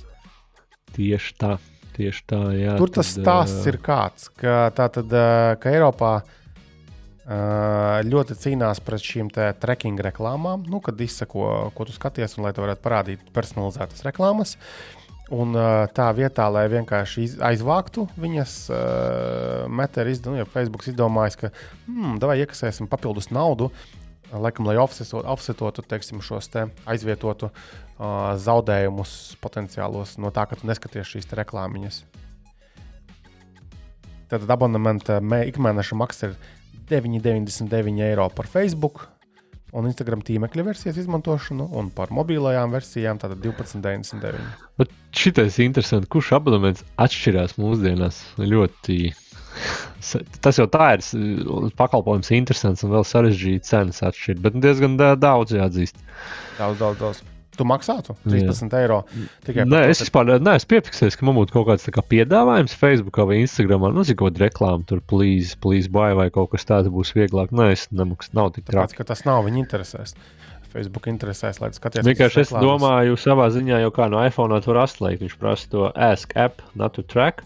Tās reklāmas tev pa lielam man mazas idejas, ka atslēdz, viņš man tur vispār reti kaut ko nu, rādīt. Viņš rādīs, ja es neizmantošu adblock. Rādīs, bet, bet kā ne pat ķeks, visdrīzāk tās reklāmas. Nu, pat ja es, es kaut kā zinu, kā es pat es skrolēju pāri. Tādā ziņā, ka man tas tā baigi neietekmē. Abonements ir pieejams Facebook un Instagram lietotājiem no 18 gadu vecuma. Varbūt tev no 18 vēl, un tāpēc tev nerāda šādu paziņojumu. Nē, nē, nē tur bija, ap citu, ja es pareizi saprotu, šo runāju ar MKBHD, ka tiem, kas ir zem 18, viņiem viņš īstenībā ir automātiski, tāpēc ka viņiem nedrīkst piedāvāt. À. Kaut kā tā laikam tepat sanāk, jā, un tad viņiem nerāda, nē, bet vecums droši vien, kad ir atbilstošais. Ak, šitie birokrāti traucē darbu, darba, darbināt biznesiņu uh, Amerikā. Nu, kaut kā jau naudu jā, jāatpelna Facebookam. Jā. Uh, Google tur aktīvi YouTube cīnīties ir sākusi ar šiem reklāmu bloķētājiem. Papētīt to jautājumu. Jā, nu tas jau pie Anča. Tāpēc, ne, kā saka, nedrīkstēja nepaskatīties šo tēmu. Uh, jo Ants ir profesionāls, kā tu teici, uzteicis Brazīlijā kontu parādījo un pa lēto nopērku. Viņš principā ar to ir ļoti apmierināts. Bet, jā, YouTube cīnās ar ad blokeru izmantotājiem, saucamiem, lai nerādītos reklāmas. Un tad viņi tagad jau palaiduši kā, principā, visiem lietotājiem. Es neesmu redzējis, bet es acīm redzot, es, es lietoju ad bloku, bet es esmu izslēdzis, man liekas, droši vien uh, uz YouTube, un tur ir tā, ka viņi tagad čekos. Un, piemēram, viņi rādīs paziņojumu, ka jums ir atlikuši trīs video. Un lūdzu, izslēdziet adbloku ārā. Tur gan bija tāds uh, labs konteksts, kad viņi reklamē adbloks, citreiz rāda adbloku reklāmas, kas nozīmē, ka viņi nefiltrē, nu, tādā mērā nefiltrē visu, ko viņi rāda. Jo nu, kādreiz tajos sākuma video rādās, nu, kad ģipa, labākie adbloki. Uh, tas bija tāds interesants, jā, bet nu, viņi, protams, spiež uz to, lai jūs pirktu prēmiju plānus. Un te mēs esam daudz un dikti runājuši, kad, uh, ka es saprotu, Eiropā viņš maksā arī 9,99, ja, kā jau tagad standartā viss ap 10 eiro. 11. Bet uh, Ansis tur cik tur nopircis pa 2 eiro mēnesī, laikam kaut kur uz, uzdodoties pa, pa trešās pasaules valsti bija valsts iedzīvotājiem. Tā ziņa, ka tieši šajās trešās pasaules valstīs, es nezinu, vai mēs varam Brazīliju šādi saukt, ka paaugstināsies arī cenas šiem pakalpojumiem. Atcīm redzot, tādu gudrnieku nu, pērkā. Kaut kāda tā starpība diezgan liela, pat tīri uz to globālās ekonomikas fona. Neliekas, ka nu, tā starpība būtu 5-6 reizes, kad nu, tur ir tik slikti. A, kā ir? Uh, bet- bet tie, tātad uh, reklāmu bloķētāji tiek galā ar šiem jaunajām Google izmaiņām vai netiek? Nu, YouTube izmaiņām. Jā, es Vat par to nebija. Tas droši vien gan jau ka tiks galā, ja vajadzēs. Bet es domāju, ka te jau ir tāds nopietns karš. Es pieņemu, ka būs grūti. Jo viņi jau tomēr saprot, ka viņš tev vispār ir. Un viņi jau paši nepalaidīs video. Viņi jau ko tu viņi tur var apiet. Viņi var uzlikt, ka viņi ķipa tur neeksistē tajā lapā. Es domāju, ka kaut kāds trackings visu laiku iet. Un līdz ar to tad, uh, vairs nav iespējams. Par šito īsti, īsti nebija labs, labs tā jautājums. Jā. Bet, nu, savā ziņā jau kaut kāds biznesa sev jāatbalsta. Protams, tās reklāmas ir besīgas, bet, nu, jāsaprot jau, nu, YouTube ir izsit uz savu vietu. Mēs esam atkal super pieraduši to izmantot. Nu, ko tad citu liks alternatīvu? Nu, palielam jau nav baigās alternatīvas. Vimeo skatīties. Nu, nav jau, nav jau, nav jau. Jā. Un, un tad, à, nu, tur bija rakstīts, ka YouTube vēl spēlējās ar tām kvalitātēm, ar 4K izšķirtspēju, bet es, piemēram, nezinu, vai ikdienas patērētājs tik ļoti kaut kas te ļoti ņēmās, baigi aizstāvēt arī. Neaizstāvēt, bet nokal iemet tādu Apple frontē, kas ir 24 colu monitors, piemēram, nu, tas, kas tas vispār ir. Bet, nu, Viņi jau pēta, tirgus saprot, nu, nevajag jau visiem tur 60 colu. Mums arī Discordā bija kaut kāda saruna, laikam, kāds bija rakstījis, kas vispār ir 50 colu televizors. Tas nekas nesot. Nu, liela daļa vispār televizoru neskatās mūsdienās. Nu, tāda, nu, kā saka, tirgus ir plašs. Jā. Ļoti iespējams, ka Apple ir izpētījis, ka ģimenes ārstu praksēs vienkārši varbūt nav tik galdi lieli, lai varētu uzkrāmēt milzīgu monitoru, bet 24 kā reiz derēs. Viņi stabili pēta, pēta ģimenes prakses, bet droši vien, ka Amerikā, kur ir lielākais noiets, vispār man IMAX uh, ir ieinteresējis. Varbūt vismaz kapitāla mums uz to atsauksies. uh, vai kāds mums var iet? Es vispār esmu ieinteresēts, jā, man tas dators ir ieinteresējis, jo viņi tur parasti saka, ka virtuvē uzlikt datoru. Nu, Bet Latvijā, man liekas, tas nav mūsu kultūrā tā izteikti, bet, bet Amerikā varbūt jau droši vien, kad ir tiešām jā. kaut kur tur stāv. jā, nu, bet ar to reklāmu bloķēšanu nu, ir jāsaprot, ka tas tiks arvien vairāk apgrūtināts. Un, uh, Nu, protams, Un mums jau arī mēs arī nevaram aizstāvēt, jo mums jau ir uh, trafiks. Mums jau arī interesē. Nu, bloga viedo no ziņā, tu man liekas, kaut kad nesen vēl diskutēji par šo Twitterī. Tas traucē, tas traucē. Tā mēs te knapi galus savalkam kopā kaut kādos mēnešos. Uh, un, ja vēl reklāmas bloķē, nu, tad ne, ne jau aiz laba prāta mēs tur tās reklāmas rādām. Un, un, un es domāju, ka arī pārējie mēdīji tieši tāpat, nu, ja varētu nopelnīt naudu uh, citos godīgos, uzskatāmos veidos, tā kā to var dabūt no reklāmām, tad vienkārši nebūtu reklāma, būtu citi veidi. Un, principā, var teikt, ka bloķējot reklāmas, tu kaut kādā mērā varbūt mazāk ētiskus mēdījus dzem tajā virzienā, kad būs slēptās reklāmas. Nu, tāpat tev taču ir redakcijas jāuztur, tāpat tev ir serveru darbs jāapmaksā. Nu, nevajag būt naiviem šajā visā lietā. Ja tu kādu apčakarē, visdrīzāk tas apčakarējiens arī atnāks iekodīs tev pašam pakaļā. Uh, runājot par pakaļām, tātad, uh, kas Ilonam Maskam jauns ir? Ilons Masks bija tāda interesanta ziņa, ka tātad, kopš Ilons Masks iegādājās Twitteri, šī uzņēmuma vērtība samazinājusies vairāk nekā uz pusi. Tad 27. gadā bija tieši gads, kopš Masks iegādājās par 44 miljardiem ASV dolāru. 27. datumā, tu domā, nevis gadā. Jā, 27. oktobrī apritēja gads, kopš viņš iegādājās šo Twitteri. Toreiz vēl tas ir X platforma. Nu, tad viņš tur, nu, principā, viņš pats nofēloja un pats iedzina sevi situācijā, ka viņam bija jānopērk tas Twitteris. Un ka šobrīd tā uzņēmuma vērtība pēc kaut kādām tur aplēsēm sasniedz tikai 19 miljardus ASV dolāru. Attiecīgi, jā, vairāk par pusi ir samazinājusies vērtība. Un tad bija kaut kāda vairāk arī rakstīja, kas mēģināja izskaidrot, kāpēc. Mm, kaut kāds, nezinu, tur gan globālie vienkārši finanšu um, cikli. Tas ir viena lieta, un, protams, ka kaut kādas arī lietas, ko viņš ir izdarījis arī tajā mm, servisā.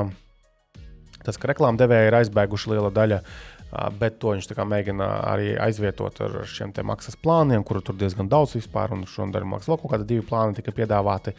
Nu, to sīkāk es nezinu, es vēl neesmu arī pats principā pēc sācis maksāt par šo pakalpojumu, lai gan tas ir galvenais sociālais tīkls, ko es izmantoju katru dienu. No Tad tu tuvojies tomēr lūzumam? Ja? Nē, es netuvojos. Es neredzu pagaidām baigo vajadzību pievienot to. Visdrīzāk uh, Masks pats pietuvinās mani, kad kaut kādas features, ot, būtiski svarīgas, uh, noslēgs, uh, un kad tad gribi, negribi, būs jāmaksā viņam. Tā kā pagaidām līdz tam neesam nonākuši un, attiecīgi, var, var, var, var nedzīvot. Bet, nu, biznesa ir biznesa. Ziniet, kā Twitteris arī visos laikos ir bijis tāds tīzlis, un es domāju, no finansiālā skatu punkta raugoties, nepelnošs. Tāpēc Masks pamatā ir biznesmenis, kuram nekas nav svēts. Gan jau, ka viņš salaužot Twitteri spēs panākt, ka tas varbūt pelna. Nu, ja ne, nepanāks, tad tad vienkārši nogramdēs to pasākumu. E, jo Maskam jau tie plāni ir tālējošāki. Tātad viņš vēlas, lai šis Twitteris līdz 2024. gadam sāktu piedāvāt arī finanšu pakalpojumus. Nevelti X, tas ir The App of Everything, kurā tad būs gan finanses, gan bija kaut kāda arī nesen ziņa, ka tur kaut kāda audio, video straumēšanas parādījušies iespēja ar tie Twitterī. Es domāju, ka. Mm -hmm. Tur vēl iepazīšanās, viņš tāds vīčets. Jā, nē, nu tā, tāda arī tas mērķis, ja, ka tas kas, eh, ka grib rietumu pasaules līniju uzbūvēt. Un, lai mēģina, mm -hmm. lai mhm. mēģina. Jā. Tā kā um, finanšu pakalpojumus tur arī plāno sniegt. Redzēsim, kā viņam ar to ies. Jo galu galā pieredze jau viņam ar PayPal tam maskam ir bijusi iepriekš. Lūk. Un uh, tad viņš ir palaidis arī burtiski šī rīta ziņa, tādu mākslīgā intelekta chatbotu, mm, Grok.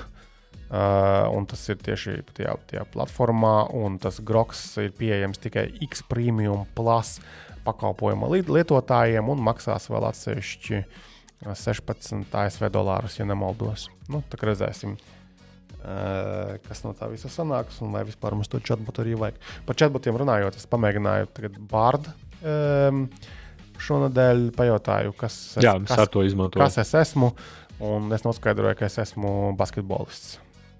Liekas, tas uzskatām. Viņš to sajauc ar porzingis. es diez vai, diez, diez vai, bet uh, bullshit atbildes absolūti bezjēdzīgs uh, risinājums šādam pielietojumam citiem kaut kādiem. Man ar, man ar kolēģi bija kā, ERP sistēma konferencē Microsoft. Es pilnīgi jūtu, ka viņi to atbrauks atpakaļ ar uh, AI lietām. Viņi jau, es jau jūtu nākamā nedēļa, ka tas ir viss nākotne un UTT. Bet es laikam tev bišķiņ piekritīšu, ka tur jau vairāk ir hype un tur tā reālais ieguvums nu, ir nu, ļoti maziņš. Jo es smējos, ja ir, ja, ja, nu, teiksim, uh, ja cilvēki šobrīd, nu, tā nevar teikt, pa, vispār par digitalizāciju Latvijā, bet ja nevar googlē paskatīties kaut kāds jautājums, kas ir googlē ir viss, tad kāds vēl mākslīgais intelekts kaut ko tur prasīt un rakstīt, nu tādā ziņā, bet uh, tas, protams, būs, bet, nu, nu, tas, hype, tas pats, kas tev prasīja par to metaversu, ka mums darbā grib konferenci taisīt, un es tev paprasīju, un es arī iedevu pēc tam mārketingam atbildi. Viņa teica, viņa, nu, viņa brīnījās, ka tu esi otrais, nu, ka mēs arī te, nu, mūsu kursoru viedokli pateicu, jā, ka tas tāds. Nu, ne, ne fakes, bet, nu, kā tu labi pateici, tāds skams vairāk. Ja? Un viņa teica, jā, ka vēl viens ir tāpat atbildējis saistībā ar to konferenci, jā, un tad, nu, tad, tad, tad tā, tu, nu, kaut kā ir tas metavers. Es gan nezinu, kā viņš ir. Uh, ERP jomā vai Microsoft, kā viņi vēlās, tiešām es tā neesmu iedziļinājies, kāpēc mums ir paņemts tāds temats, bet eh, jā, jā tas viss ir tāds. Jā, nu, ja gribās, tā saka. Ja gribās trendīgas uh, keywordus uh, izmantot uz buzzwordiem, braukt, tad jā, to var. Bet vai tur ir kaut kas reāli jēgpilns? Nu, nav. Jēgpilns klientiem ir, es nezinu, tur infrastruktūras jautājumi, protams, jā. to, ko dara ikdienā. Jā, un, bet tur, nu, vajag jau, vajag jau padzīvot, lai arī tas bīdītos uz priekšu. Jā. Tā kā, tā kā redzēs, jā, visādas jau tehnoloģijas nāk arī tiešām nu, tādā ik, ikdienas, ikdienas darbā. Jā. Eh, par to, par to metaversu runājot, bija arī tāds raksts šonadēļ, ka meta, metaversā esot jau iztērējis te jau 50 miljardus ASV dolāru. Miljardiem, jā. Tātad no 19. gada viņi jau darbojas pie šiem metaversa projektiem, un uh, naudiņas tur ir daudz iztērēts. Bet vai no tā ir kaut kāda taustāma jēga un labums? Pagaidām vispār nejūtu. Nu, šis ir interesants. Jā, es, es ar tā skatījos un domāju pie sevis. Protams, kā jau Zakerbergs saka, ka viņš tas ir ilgtermiņš, tas ir pat ne desmit gadus. Tagad bija pēdējais, bija kā desmit gadē, tas varētu parādīties vispār. Nu, tā, tā kaut kāds pienesums no tā, un tā tiešām liela nauda. Interesanti, jā, cik tad viņiem ir tā robeža, vai kurš var pateikt stop, vai tas ir tikai pats Zakerbergs, vai viņiem ir arī kaut kāda valde, var kaut kāda. Nu, nu, kā saka, kontrolēt. Un, un līdz ar to, jā, tad cik, cik viņi tālu ies, bet, no nu, acīm redzot, tas ir četri gadi jau riņķī. Tur gan daudz runāja, bija viens labs mums, mums pat mūsu laikam lasītājs bija, vai kas bija viens komentārs, ka tomēr MetaQuest uh, jau trīs Quest Pro 3 vai kurš jau izskatās kaut kas interesants. Un, protams, viņš ir sešreiz lētāks nekā Apple Vision Pro. Un viņš arī taisīs to mm, papildināto realitāti. Varbūt jau tur kaut kāds tas biznesa aizmugurē ir. Bet nu, tiešām jautājums, cik daudz ieguldīs. Tas pats jau kā Twitter var salīdzināt. Pa lielam tur var nu, gāzt naudu, bet cik tu ilgi gāzīsi? Vai tev visu laiku jāņem no citurienes? Nu, labi, Facebook to var atļauties. Met. Nu, kaut kādam biznesa tālējošākam mērķim ir jābūt. Nu, jo, kā jau minēji, mm. naudu. Uzliks brilles, var redzēt Excel brillēs. nu, vismaz to es šobrīd esmu redzējis. Es, es gribētu notestēt, man interesētu, to, kā tas izskatās. Kas? To Quest 3 vai kā viņš to sauc? Nē, nu vispār es gribētu, lai viņi tajā metaversā tiešām uzlikt brilles un redzētu, nu, kādas ir. Jo viņam ir Microsoft Office integrācija, to viņi arī reklamē kā vienu no tādām it kā darba feature, nu, reālām kaut kādam pielietojumam. Nu, man es gribētu saprast, nu, ko tas realitātē, cik tas ir vispār lietojams un saprotams. Tā. Nevis tikai, zinu, tur desmit minūtes uzlikt un nu, pa, nu, Zin, tā kā jauna emocija. Kā, kāda pievienotā vērtība tu varētu dabūt no brillēm uh, tieši Excel skatīties versus skatīties monitorā? Nē, nu, tur ir liekas lielāks, tu vairāk vari šūnas, redzēt, kolonas. Es, es to tā redzētu, tā, ka tu esi vairāk un ātrāk. Tu vari, piemēram, nezinu, nu, idejas, ka tev ir kaut kāds zvans, tu tur esi baigi brīvi, tur runā, ja tur, tur nezinu, kaut kāda lauka aizmet, tur kaut kādiem investoriem runā, nu, nezinu, kaut kāds finanšu rādītājs baigi analizēt. Nu, bet tas arī būtu tur visiem uz vienu viļņu jābūt. Protams, tas neko nešķirs parādīt kaut kādas dashboards, gatavos un viņas izrunāt. Ja. Nu, tādā veidā. Jā, drūmi. es, es to tā saskatu. Jāsagaida, jāsagaida. Ja jau par investoriem ierunājies, tad uh, vēl bija ziņa, ka Revolut ir Latvijā palaidis Trading Pro. Uh, tādu rīku komplektu pieredzējušiem tirgotājiem, kā viņi saka. Uh, vai tu pamēģināji attaisīt to Trading Pro vai nepamēģināji? Nē, es, es izlasīju, bet es, nu, es izlasīju, bet redzēju to virsrakstu, gribēju apstīties, bet es sajūtos, ka es neesmu profesionāls, un to es profesionāls tradingotājs. Tad uh, man vispār nebija nekāds paziņojums. Patiesībā es tagad atveru vaļā. Es jau godīgi sakot, baigi neredzu kaut kādu feature. Jo tur droši vien, ka viņi pirmkārt jāabonē. Ir. Tas ir pirmkārt, tas nav lietotnē, tas ir webā. Ah. Okay. Um, um, vispār relīzē viņi saiti nebija iedevuši. Uh, jā, bet tā tad ah, tas ir trade revolūta.com slash termināli. Vispār paņemsim, ieliksim arī uh, kaut kad saiti. Jo revolūta mājaslapa ir un, un viņam arī iPadā bija lietotne, tā, tā kā attīstās. Jā, tur sākumā liekas nebija akcijas, tagad jau ir. Jā. Jā, bet um, es pamēģināju uzmest aci. Uh, un to tās pamēģināsim vēlreiz ielogoties. Ne, nerāda to veco iPhone, jau taisnēs tālāk iPhone ir labs pagaidi. nu, tas nedarbojas. Bet um, tas ir tā tāda alternatīva visiem šiem trading 212, eToro. Tas ir tā jāuztver. Uh, tas, tas nav telefonā, tas ir tīmeklī. Tev, tev revolūtā ir kaut kādas akcijas, vai tu neizmanto? Nav tagad. Man vienu brīdi pašā mhm. sākumā, kad es sāku mēģināt iebraukt tajā te, uh, tēmā, mm, kopumā man liekas, ka diezgan paprasts. Tur jau komentāros cilvēki arī uh, arī, arī komentēja, ka viņam tur pietrūkst kaut kāda manā ieskatā diezgan avansēta feature. Um, nu, tāds ķepļāps salikts kopā no, kur viņiem ir grafiki no Trading View, es redzu centrā uh, kaut kādas akcijas. Man liekas, atkal ne viss komplekts, kas ir citur pieejams. Nu, atkal, nu. Bet pagaidām nav tad jāpērk. Viņš rāda tev jau kā bezmaksas lietotājiem, tam standarta kontam. Mm, tas, man liekas, bija kaut kura tur uh, plāna šitiem te. Bet tagad tu tu ne, neabonē nekādu revolūciju plānu. Nevar saprast.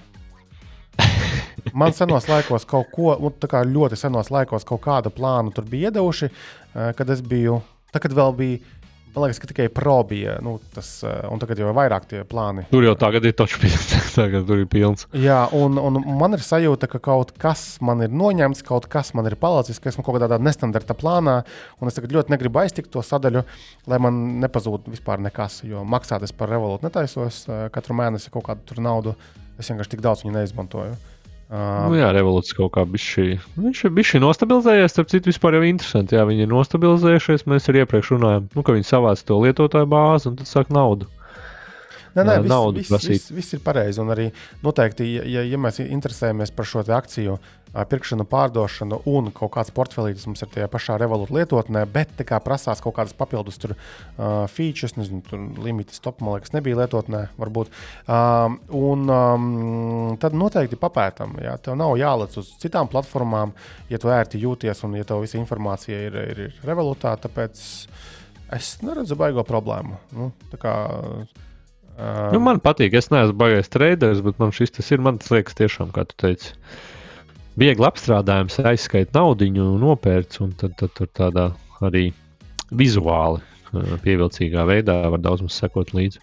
Jā, telefona arī viņiem, man liekas, ir. Uh, Jā, jā, ir stoks. Tur vispār tagad arī viņiem ir parādījies tas termiņu noguldījums. Tā kā ir uh, nu, Svetbanka reklamē vai Seibanka sakarā, viss tagad finanšu, viņiem arī ir kaut kādi šitie noguldījumi. jā, Tā kā viņi jau principā tā tāda banka jau. Nē, banka viņi ir. Es gaidu, Nē, viņi ir banka, nu jā, nu nav Es gaidu- vecā stila. jā, es gaidu, kad viņi sāks piedāvāt arī kredītus. Uh, jo Nu, senos, tu domā kredītlīnija, ja? nu, vai nu kredītlīniju, vai kaut Ā, kādus nu, citus kredītus. ātrā. Uh, jo senos, senos, senos laikos nu, bija tā runa, ka viņi iet uz to. Un, ja viņi ir kā parasta banka, tad kāpēc viņi nepiedāvātu arī šādas lietas?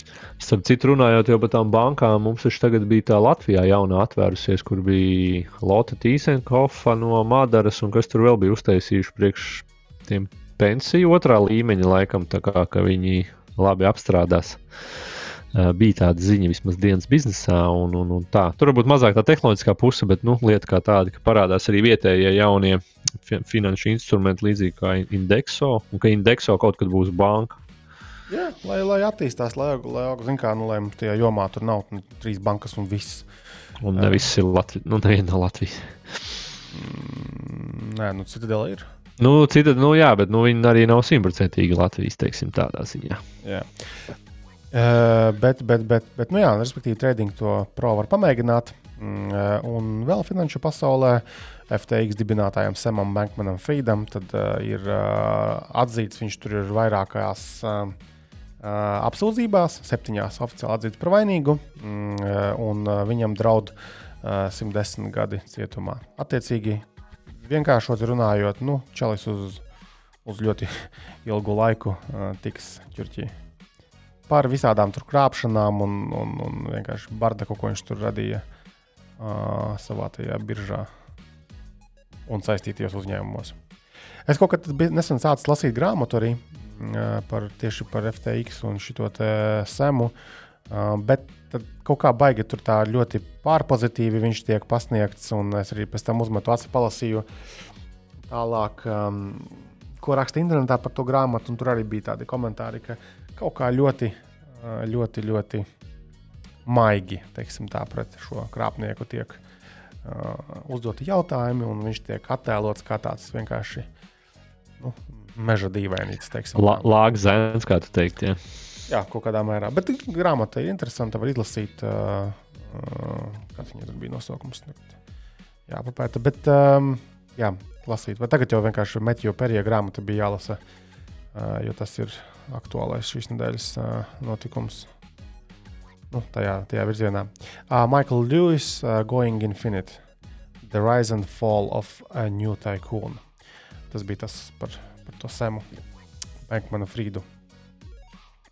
Uh, lūk, um, kas tad mums vēl tāds bija interesants? Vispār daudz notikumu. Uh, Vinamp uh, taču būs pieejams tūlītās um, Android un iOS ierīcēs. Šis ir tāds interesants jautājums. Um, nu, tie, kas nāk no PC pasaules, uh, tiem ir, uh, nu, liekas, ka Vinamps ir īpaši senākiem cilvēkiem ir, uh, ir ļoti labi zināms zīmols. Nu, mēs visi klausījāmies kompjos no Vinampa mūziku senos laikos, tāpēc, ka gluži vienkārši nekā cita tāda sakarīga nebija. Nu, kas Windows Media Playerā kaut kādā. Jā. Tad, tad, tad, ja tu tādu kompiju ieraudzīji, no Omanas klausās kaut kādas normālas zēni, klausījās tajā ā, Vinampā. Un tad bija baigais uh, neapmierinātība, kad viņi ieviesa to kaut kurā tur versijā, to moderno skinu, uh, nu, to, kad viss pēkšņi sarežģīts palika. Un tad mēs lietojām, kas tā bija 2,56 vai 2,55 versija, kurā bija tas tumšais, klasiskais uh, Vinampa paskats. Tad, man liekas, viņi izlaida kompiju kaut kādu, uh, atkal atdzīvinājās, un tagad tajā mobilajām ierīcēm. Bet Vai nav tā, ka mūsdienās, it īpaši mobilajās ierīcēs, nevienam nafīgi nevajag tādas vinampus, tāpēc ka mēs visi klausāmies, diemžēl, tikai un vienīgi Spotify, Apple Music, Tidal. Tā ir. tamlīdzīgs. Tas varbūt būs tiem, kas spēk Sony telefonu par pusotru tūkstošu. Mm, Kas tur gribēs kaut kādu, nezinu, vai kaut kādiem audio fīļiem, ritīgiem. Jā, nu visticamāk, jau klasiskais patērētājs vispār kaut kādā, es domāju, pat jaunā paudze, tagad 11 gadnieki. Viņiem ir iPhone, un tas, kas ir iPhone, tas ir ar to vai Androidā, to arī izmanto. Mm. Bet... Vispār interesanti, es man arī pārsteigums, ka viņi jau tātad viņi izstrādā lietu, un viņiem vispār ir resursi, finanšu, tad jau kaut ko viņi tur pelna vienams. Jā, bet, um, bet, bet, bet, bet, bet jautājums tāds, uh, ko tu uh, izmanto pats uh, datorā mūzikas klausīšanai? Es Spotify. Man ir Spotify premium, un tad es attiecīgi izmantoju vienu vai otru. Apple Music es neizmantoju, jā, varbūt kādreiz kaut kas tur deals uzkrīt uh, bez maksas, bet man primāri ir Spotify. Jā. Winamp. Winamp. It really whips the llama's ass. Kāpēc tur bija par la... Kur, kas tas tev tāds bija? Nu, tas ir tas uh, leģendārais uh, sing- jing, jingliņš, kas ir. Viņiem viņā. šāds ir palaidis, nu neatceros. Nē, nu, senos laikos tas, lietoju. tas bija tas, kas viņiem bija tajā, tajā vienam pa iekšā iebūvēts. Ko šis labs, šis nezināju, bet tā vispār Nu, kā Man jau, man jau klasika straumēšana, jā. Uh, jā, bet, bet um, man vispār uz Macintoshiem problēma bija ilgus gadus ar to mūzikas playeri. Tāpēc, ka, nu, nu kā nu Spotify, nu jā, labi, Spotify, jā, bet es kaut kā esmu pieradis tos internetu radio klausīties, digitally imported. Un um, bija stulbi laist uh, kaut kādu smagnēju iTunes toreiz, nu vai tagad, kas ir tas mūzikas palicis. Arī tāpat pas, pasmagnēja tā programma, ir, lai klausītos tikai internetu radio. Un es meklēju šos te kaut kādu tādu vieglu, lightweight eh, mūzikas playeri, un nekas jau tur tāds sakarīgs tajā makā pasaulē nav. Un tad man liels atklājums bija pirms nezinu, dažiem mēnešiem, kad Fubārs izrādās eksistē priekš eh, Macintosh. Viņš izskatās pēc sūda, protams, eh, tajā platformā, bet nu skan vismaz. Un, tagad es izmantoju Fubāru gan uz, eh, eh, gan uz PC, gan uz, eh, uz Macintoshiem. Pagaid, tas kaut kāds players, tā kā, jā, pirmo reizi dzirdēju. iegūlē. FOO bar. Izskatās pēc sūda, kā jau minēju, abās platformās, bet skan un ir maz resursu tērē un tāds. Tas, kas netraucē tev, teiksim tā. Nosaukums jau arī Nu, gigi, gigi stuff. Fubā 2000. jā, jā, jā. Oi, nu mājaslapā jau izpasaka. Tādu tu neliktu šī tā savā computerā. Nē, es šī tāda, man es netīrs, jo es jūtos apkaunojis Apple principā. Bet tā kā es tagad eju no darba datora, tad es nejūtos tik, tik smagi, tik apkaunots. Okay. Um, Microsoft uh, tātad uh, bloķēs nelicenzētos Xbox kontrolierus un citus accessorus. Kas ar to ziņu? Jā, nu tad eh, labie laiki beigušies nosacīt, labie laiki, ka visādas ķīniešu kontrolieris var un no Microsoft sāks pārbaudīt, vai tas ir, kā saka, supported vai approved by Microsoft. Un tad nu, līdzīgi kā Apple ir tas eh, arī tas lo- logo, bet nu, tas gan nav redzēts pēdējā laikā, godīgi sakot, baigi daudz. Design for iPhone, jā, tad līdzīgi būs uh, Xboxiem, jā, nu, attiecīgi parādīsies vienkārši paziņojums, ka šitais uh, accessors nav licencēts, un viņi nevarēs izmantot. Tas saistīts ar visiem joystickiem, stūrēm, pedāļiem, visu jā, kontrolieriem. Tā kā lēnā garā būs, būs jāšķirās visticamāk no lielākas naudas, ja kaut ko gribēs, un, un, un kaut kas jau smējās. Es gan piekritīšu, kaut kas labi teica, ka tas samazinās interesi par Xbox, un viss aizies uz plēsi, bet nu nebūsim naivi, plēsī visticamāk būs tas pats. Un, uh, un, un, un jā, tad šitie pazudīs. Bet jāskatās, tur jau vienīgais nebija rakstīts nekāds saraksts, kā kurš zīmols vai ko uh, bloķēs, bet bloķēs jau nezīmols. Es pieņemu, ka nebūs tā, ka tikai, tikai visi accessori būs nu, Microsoft, būs nu, kaut kādi labie, kas tāpat ir uh, vienkārši, nu, būs jābūt certificētiem. Pagā, mērķis kāds bija? Nu, vienkārši ierobežot, lai nav kreisie. Ah, nē, stop. Tur varētu būt viens arī pakomentē, lai nevar čītot spēlēs, jo tur bija, tur bija tāda apraksta, kaut kas bija rakstīts, es palasīju, tu pieslēdz. Ah, Tur, ja es tā saprotu, pieslēdz kā otru klaviatūru, kas tev tēmē tavā vietā automātiski bāzes. Es šī tik tālu nekad nebūtu aizdomājies. Tur bija normāli, jā, jā, jā tur bija ritīgi. Tīri čītošanai vairāk, jā, jo visu nevar iztrakot. Tur jau tā lieta, un uh, tieši izmantojot šos accessorus, uh, tu vari panākt nu, negodīgu uh, teiksim, te Advantage, uh, jā. pār, pār konkurentiem. Un uh, ir taču arī tiem pašiem kontrolieriem tas uzlikas, ja piemēram, kas uh, nu, joystickiem, kas arī it kā uzlabojot uh, spējas uh, precīzāk trāpīt, ātrāk trāpīt. Tur ir, ir, ir galu galā tie paši kontrolieri, kas jau ir sabūvēti, lai būtu nezinu, ergonomiskāki vai ātrāki eh, kaut kādā mērā. Un tad vienkārši tas nav mm, vienlīdzīgas iespējas visiem. Un es domāju, ka tas ir diezgan nopietna problēma, kam ir jāpievērš arī uzmanība. Tas nav Jā, bet zini, kā tas jau man liekas vairāk PC gamingā, nu, kur e-sportā, e-sportā jau neizmanto konsoles. Jā, bet, Vot es par šito bet- bet bišķi konsolēs aizdomājos. taču arī skaties, konsoļu bizness ir visi šie live pakalpojumi, lai būtu multiplayers. Un, ja Nu pēkšņi jā. multiplayerā sāk parādīties fujaki, kas tevi izrambā vienkārši tā, ka tu nespēji neko izdarīt, Nu, nav tas interesanti. klasiski tieši tā. Un tas ir, tas ir nu, tāds pamata uh, risks uh, tavam biznesam. Tāpēc šī gan ir jātur kārtībā kaut kādā mērā. Es to, es to tā skatos.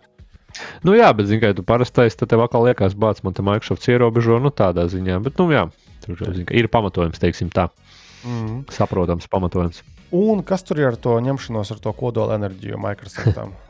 Jā, nu, jau- šonadēļ mēs es bijām runājuši šitā- iepriekš, mazliet arī, bet kas tagad Jā. mainījās šodien?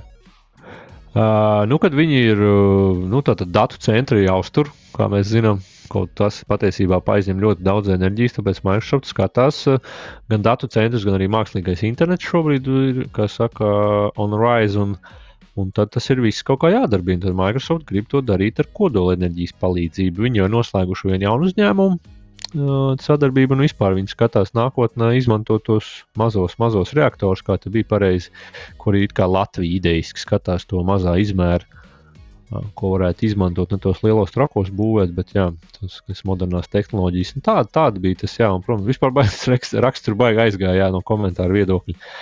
Uh, pat nezinu, par ko tas cepiens. Bet, nu, un plus tas ir, lai dabai draudzīgi būtu. Vajag daudz jaudas, un, un Microsoft arī skatās, lai tas būtu dabai draudzīgi un ilgtermiņā. Redzēsim, Tāpēc kodolenerģija. redzēsim, jo noteikti tam tehnoloģijām ir jāattīstās arī šiem te, nu, tur tie mikroģeneratori vai, vai, vai, vai, kā viņus sauc pareizi. Un ir uzņēmumi, kas jau kaut ko tādu taisa, un es domāju, ka nākotnē mēs tikai redzēsim. Tā mo modulārie kaut kādi, jā, modulārie kodols šķelšanas reaktori, vismaz tā kaut kā tulkoja latviešu. Mm. Galu galā varbūt nākotnē, nu nevis varbūt, bet pavisam noteikti arī mašīnās mums būs šādi mazie reaktoriņi. Tad nevajadzēs katru 100 km lādēties. Nu, tas tāds Star Wars vibe, tālu zināms, kā fantastika, bet uh, droši vien, ka tā tas varētu izskatīties. Jā.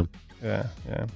Um, vēl tāda diezgan interesanta ziņa bija tāda, respektīvi, DoorDash. Tas ir tie, kas ir ēdiena piegāde, nu, tā kā mūsu Volts Bolt Food uh, testē uh, tādu paziņojumu, ka tie, kas nemaksās uh, tējas naudas uh, kurjeriem, uh, ka tie vēlāk saņems uh, savu to ēdienu pasūtīto. Tad tas ir mm, no amerikāņu, amerikāņu testē. Amerikāņi mums ir, kā zināms, nācija, kur ir diemžēl ieaudzināts, ka ir uh, algas var nemaksāt normāls, bet nu, visu pārējo jāpiepelna tikai no uh, dzeram naudām. un Tad tagad, uh, tagad DoorDash arī mēģina izeksperimentēt, kas tagad notiksies uh, un ka var ātrāk dabūt piegādes, uh, ja tiešām ietiposi uh, mazliet. Kā tev patīk šāda pieeja? Nu, jā, par to tev taisnība, par to Amerikas algu, ka tas ir tieši visiem, visiem apkalpojošam personālam. Tāpēc tur jāatstāj dzeram naudas, bet es nezinu, baigi dīvaini. Tu baigi algoritmu vajag pa lielam, kā tu izreikinās, tu tagad pasūti un kurā brīdī tu, uh, tu norādīsi dzeram naudu, tad tev parādīs to laiku. Es nezinu, tas tāds, tas jau es teiktu. Nē, nu kā, nu skaties. No kurjera skatu punkta raugoties, tad viņam parādās informācija, va, kur ir uh, potenciāls uh, šis pirkums. Uh, ja viņš redz, ka tur ir vairāk Nu, naudas no, viņam beigās, tad tas viņš izvēlēsies vienkārši to, kur ir kopā ar, ar čaļiem. Nu, tādā vairāk. ziņā, jā. Bet nu, tur var iebraukt otrā grāvī, kad uh, atkal vispār nesūtīs, nezinu, brauks paši vai, vai kaut kādā tādā veidā. Jā, tas jau kāda konkurence Amerikā. To es tagad labi nepārzinu. Jā, nu, lai testē. Mm, Simts punkti.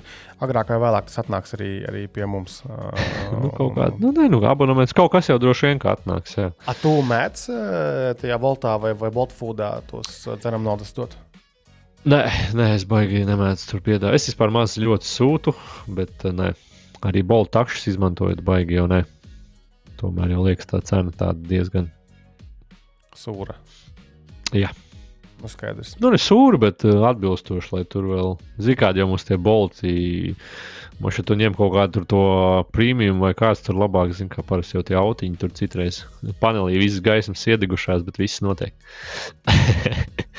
Tas, zin, kā, kā patērētājiem tas man tā pie, es viņu saprotu, bet uh, nevarētu teikt, ka tur dzeram naudu atstāt. Varbūt atstāt un viņi salabot tās lampiņas. Nu, jā, melnos, melnos kočā aizlīmētu. Nu, jā. Vismaz. Jā, bet, ja mēs par naudu runājamies, tad uh, bija arī tāda šonadēļ ziņa, ka Jeffs Bezos, respektīvi Amazon uh, dibinātājs, uh, tagad gan viņš ir nost no aktīvās vadības, viņš tinas prom no, no, no, no, no, no Vašingtonas štata, kur viņš dzīvoja, un pārvācas uz Miami. Kā viņš izteicās, uh, lai būtu tuvāk uh, saviem vecākiem, uh, lai nu, gan jau arī uh, siltāk un jaukāk nekā tajā Vašingtonā. Bet uh, interesanti, ka tā tad um, Floridā uh, nav nodokļu, uh, tātad uh, capital gains, kapitāla pieauguma, laikam, uh, jo tā ir problēma tajā Vašingtonas štatā, kur viņš tur dzīvoja. Sietlā. Sietlā ir Vašingtonas štatā. O, es nezinu, bet Vašingtonā ir augsti nodokļi. Tāpēc Jā, jā, un- un kad- NBA spēlētājiem, pa visiem profesionāliem sportistiem tur ir Jā, un- neizdevīgāk spēlēt. Ka viņi tātad ir pieņēmuši šo te, uh, 7% kapitāla pieauguma nodokli ieņēmumiem virs 250 tūkstošiem ASV dolāru. Un, uh, un vēl tur bija kaut kāds nodoklis, kas, kas viņiem wealth tax. Uh, un, protams, ka ja uh, Bezosam ir 160 uh, uh, miljardi ASV dolāru, nu šī net worth, jeb, jeb, jeb vērtība, tad, protams, ka viņam būtu baigi daudz arī jāmaksā uh, šajos nodokļos. Un tad, nu, nabadziņš tagad pārcelsies uz Floridu, kur viņam tas nav. Un tur bija tāds foršais salīdzinājums, respektīvi, uh, tā tad, uh, ka Vašingtonas štatā dzīvojot, mm, ja viņš pārdot uh, vienu uh, miljardu ASV dolāru vērtībā Amazon teiksim, akcijas, tad viņam būtu jāsamaksā uh, 70 miljoni uh, tikai nodokļos vien. Un pēdējā laikā viņš daudz tirgo nu, šīs akcijas uh, savējās, nu, kešojas laukā, un attiecīgi viņam būtu simtos miljonu jāmaksā nodokļi. Saka, šim bagāti arī raud. Tas ir no tās sērijas. nu, raud, neraud, bet viņi pārvācas un izmanto iespējas, kā optimizēt savus izdevumus. Tā kā tā. Mm, kurš no Latvijas? Man liekas, ka Latvijā, Floridā, Miami dzīvoja taču Elkora šitie te dibinātājs, dibinātāji, īpašnieki. Kaut, kaut Nu, kādā es nezinu, es tikai dažreiz domāju, ka Elkošs vēl turās, bet uh, kaut ko turās. Kaut ko ņemās un turās. Kaut Viņa, kāda sava, sava, sava klientūra ir. tur blakus Elkoram, tur, kur tas tā promoda māja bija, tagad viņi jauc nost, vai viņi tur renovēs, pārbūvēs, beidzot nestāvēs tas grausts. Ne, ne grausts, bet tukša. Ah, tas, kur nekas negāja, tur bija piecstāvā ēka, tur tas berīja mēbeles. Bija, jā, jā, jā. Kaut kas par šito citu. Es kaut kur dzirdēju, kādā podkāstā vai kaut kur runāju, ka vienkārši, nu, neejot tur gan tā vieta, nesot kaut kā, nesot, nesot laba kopumā no biznesa viedokļa. Vienīgais tagad tur tie sabūvēti atkal miljonus biroji, viens pie otra. Nu, gan, gan teiks jaunās, gan tagad pie Elkora, kas tikko sabūvēts tur tās mājas. Es domāju, ka tur būs vēl viena aizmugurē, tur, tur, tur, tur vieta. Nu, tur būs daudz, jā. Man tiešām var sākt rasties jautājums, kas viņus īrēs. Nu, kā, nu, bija birojnieki. Nu, nu, bet viens birojs jau pārācās no otra. Principā kaut kas paliek tukšs. Ē, mums miljonus uzņēmumu Latvijā. Un uh, es redzēju, kaut kur piedāvājumu. Tā, tā, tā, tā ēka, kas bija, uh, kad tu brauc pāri VF tiltam, nu, jau gaisa tiltam pa labi, nu, tas arī grausts tur, kur tā ir lemta. Vecais ērempress, ja tu domā. Es nezinu, vai ērempreis, bet, nu, jā, tur bija kaut kāda. Tieši, tieši blakus. Jā, nu, tilta jā. vidū sanāk. Jā, jā. Pieslied, jā. Ka tu arī vari nopirkt, tur nebija dārga, tur kaut kāds, nezinu, miljons vai daži miljoni, un tur ir pleķis diezgan liels aizmugurē, tur arī jau ir gatavi projekti sarakstīti, sazīmēti tieši biroja mājām. Tā kā, principā, es domāju, ka dažu gadu laikā tur būs arī tāds pašs biroja mājas uzplēstas. Nu, es redzēšu, kaut kas jau būs, bet es tiešām kas viņos ies iekšā šobrīd, ja tā skatās. Mūsu bērni. Bet, bet uzņēmums jau cilvēku skaits nepaliek vairāk, un uzņēmumi visticamāk Ir tie, kas ir, tie ir, kas arī var maksāt šos dārgos birojus. Tad, kad, tad, kad būs nu, atkal potenciāls vairāk uzņēmumiem, jo tajā pie Elkora jau taču seb uh, servisi. Tur, ielīda. tur galvenais, jā, it kā sebs, bet ne jau viņi vienīgie droši vien. Viņi, tas, viņi agrāk bija tie, kas valdlāčos bija, pareizi? Jā, jā, jā, jā, jā. un uz Mūksels ielas. Viņi kā savācās vienā vietā. Nu, Kaut lai, kā tā. lai, lai būvējas, es zinu, kā, kas mums žēl. Jā, šonadēļ bija Bliskons, bet to laikam mēs ne tu baigi nepētījām. Mm. Kā man skaidroja gameris, tad respektīvi tur ir kaut kāda izmaiņa Warcraftā. Uh, jā, Vovā tur bija kaut kādas lietas, un tad ir. Uh, Tā ir Activision Blizzard, jā, tā kā konferences par spēlēm. Pareizi. Jā, jā, jā, jā. un uh, tas, ka uh, Diablo 4. mm, first expansionam būs jauna klase. Uh, nākamā gada beigās kaut kāda ar džungļiem saistīta, man liekas, bet cik sīk es arī vairāk nezinu, nepētīju. Tā kā papētīt, Nu, tu pēc gada neaizmirsti nolādēt viņu un uzspēlēt. vai pielādēt. Nevis nolādēt. Nolādēt mēs varam Putinu. Nu, labi, labi, jā, taisnība, lai pielādētu. Bet um, par spēlēm runājot, uh, tagad man ir daudz aizsāktu spēļu. Tātad es biju to Starfieldu pamēģinājis, uh, un nekur tālu netiku. Un tad tālāk es Assassin's Creed uh, pamēģināju, un apnika. Tad es, uh, ko es tur vēl dabūju, ah, Cyberpunk pamēģināju, patika, bet tad es uh, kaut kā. Nespēlēju, un šodien man fonā tur pa vakariem bija šis te City Skylines 2 nenormāli resursprasīga izrādās uh, tā spēle, bet kaut, kaut kas tāds ie- ievelkošs, tad mierīga, tu tur būvējas pilsētiņas, tu tur. Vai tas kaut kāds SimCity? jā, tas ir pilsētbūvniecības Tycoons. simulators. Jā. Jā, Tikai bez, prasīgi. Bez, bez, kaut bez kaut kāda tāda storija baigā, man liekas, vienkārši pats ņem un būvē lēnītēm. Bet viņi prasīgi, tu grafika baigā. Jā, jā, jā, jo tu katra tur tā mājiņa, tur katrs cilvēks, viņš katra tā mašīna, kas braukā, viņa diezgan detalizēti ir uzzīmēta. Un, kad ir liela pilsētiņa izauga, tad tur ir diezgan čakars liels. Bet um, man nekad nav patikušas šīs te, uh, pilsētu būvniecības simulatori. Uh, Paikūna, laikam, vai kas ir simulātori. Jā. Jā, un ir diezgan izskatās interesants. Bet, laikam, jādzēš ārā. Baigi daudz lai- laika aiziet tajā spēlēs. Par Cyberpunk būtu jāpabeidz. Lūk. Okay, kaut kas vēl tāds interesants, ko tu gribēji pieminēt? Vai, vai, Man liekas, es kaut kur redzēju, ka šonadēļ LinkedInā ir viens miljards aktīvo lietotāju, kas man īstenībā likās diezgan iespaidīgi. Tas nozīmē, ka astotā daļa pasaules ir LinkedInā. Nu, es pats atskaitot bērnus, kas droši vien nav LinkedInā uzreiz. un Tā, tas diezgan likās iespaidīgs uh, milestone, saucamais sasniegums. Uh, Sasniegums uh, šim sociālajam tīklam. Tā kā nevar LinkedIn ar acīm redzot savas pozīcijas lēnā garā, gan darba tirgu, gan vispār. Uh, Ne, nevar aizmirst par LinkedIn spēku, un tur reklāmas vēl nav tik daudz. Bet man liekas, ka tur arī kaut kas sāks parādīties drīzumā, arī paliks tāds apnicīgāks. Bet tas man likās diezgan iespaidīgi, ja skatās patiesībā no sociālajiem tīkliem, auditorijas ziņā tieši. Tur noteikti jāskatās, kā viņi to rēķina. Vai tur visi boti ir ierēķināti? Un, un Nu, tad domā, LinkedInā negribētos domāt, ka, nu, labi, tur gan ir kaut kāda Protams. fake konta, var redzēt. protams, protams, tev pašam nav. Ik pa laikam parādās kaut kādā dīvaina bez bildes, jā, tur konekti grib, jā, jā, kaut kādi. Tur taču ir, Bet varbūt jūs zināt, kā ir ā, Indijas IT supports. tur taču ir milzīga pasaule ar, ar dažāda veida servisiem, kas uh, automatizēti. Uh, Kā pateikt, invaitus sūta, jau uzaicinājumus, kas e-mailus sūta. Kas- Līdus. Jā, jā, jā, jā, kas automatizēti uh, tad, uh, visu kaut ko tur sūta laukā, jā, tos, tos, tos messages un uh, Zopto, Apollo, man liekas, IOB risinājumi visādi sales tīmos izmanto uz urā. Tur, tur, tur, tur, tur, tur. Kā mums bija šī šonadēļ, tieši KPI mitingā, darbaņā, uh, mēs tieši akstījāmies, ka tātad uh, vienam tādam uh, jaunam kolēģim no pārdošanas nodaļas, ja, nu, kā, kā, kas viņam nedēļā šonadēļ bija, nu, viņam bija nobloķēts LinkedIn konts, un tad visi pārējie vienkārši tur sasmaidījās, ah, tas ir normāli, tas nozīmē tā kā iniciācija tavā sales karjeras pašā sākumā, kad tev nobloķē pirmo reizi LinkedIn kontu.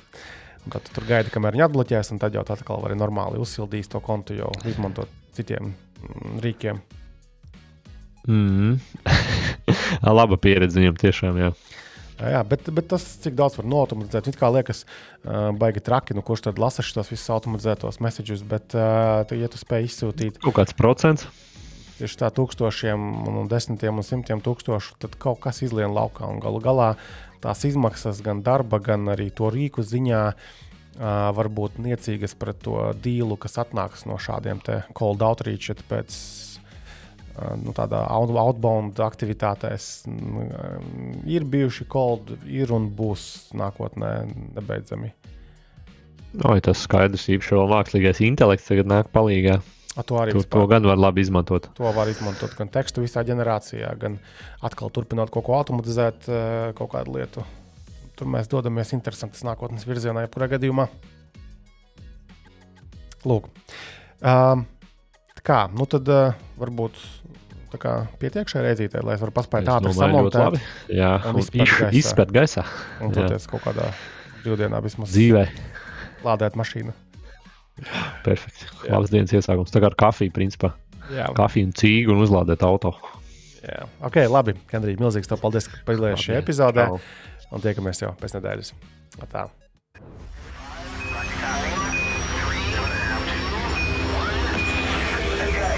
ko kursors tev neraksta. Regulārs tehnoloģiju podkāsts kopā ar Cursors LV.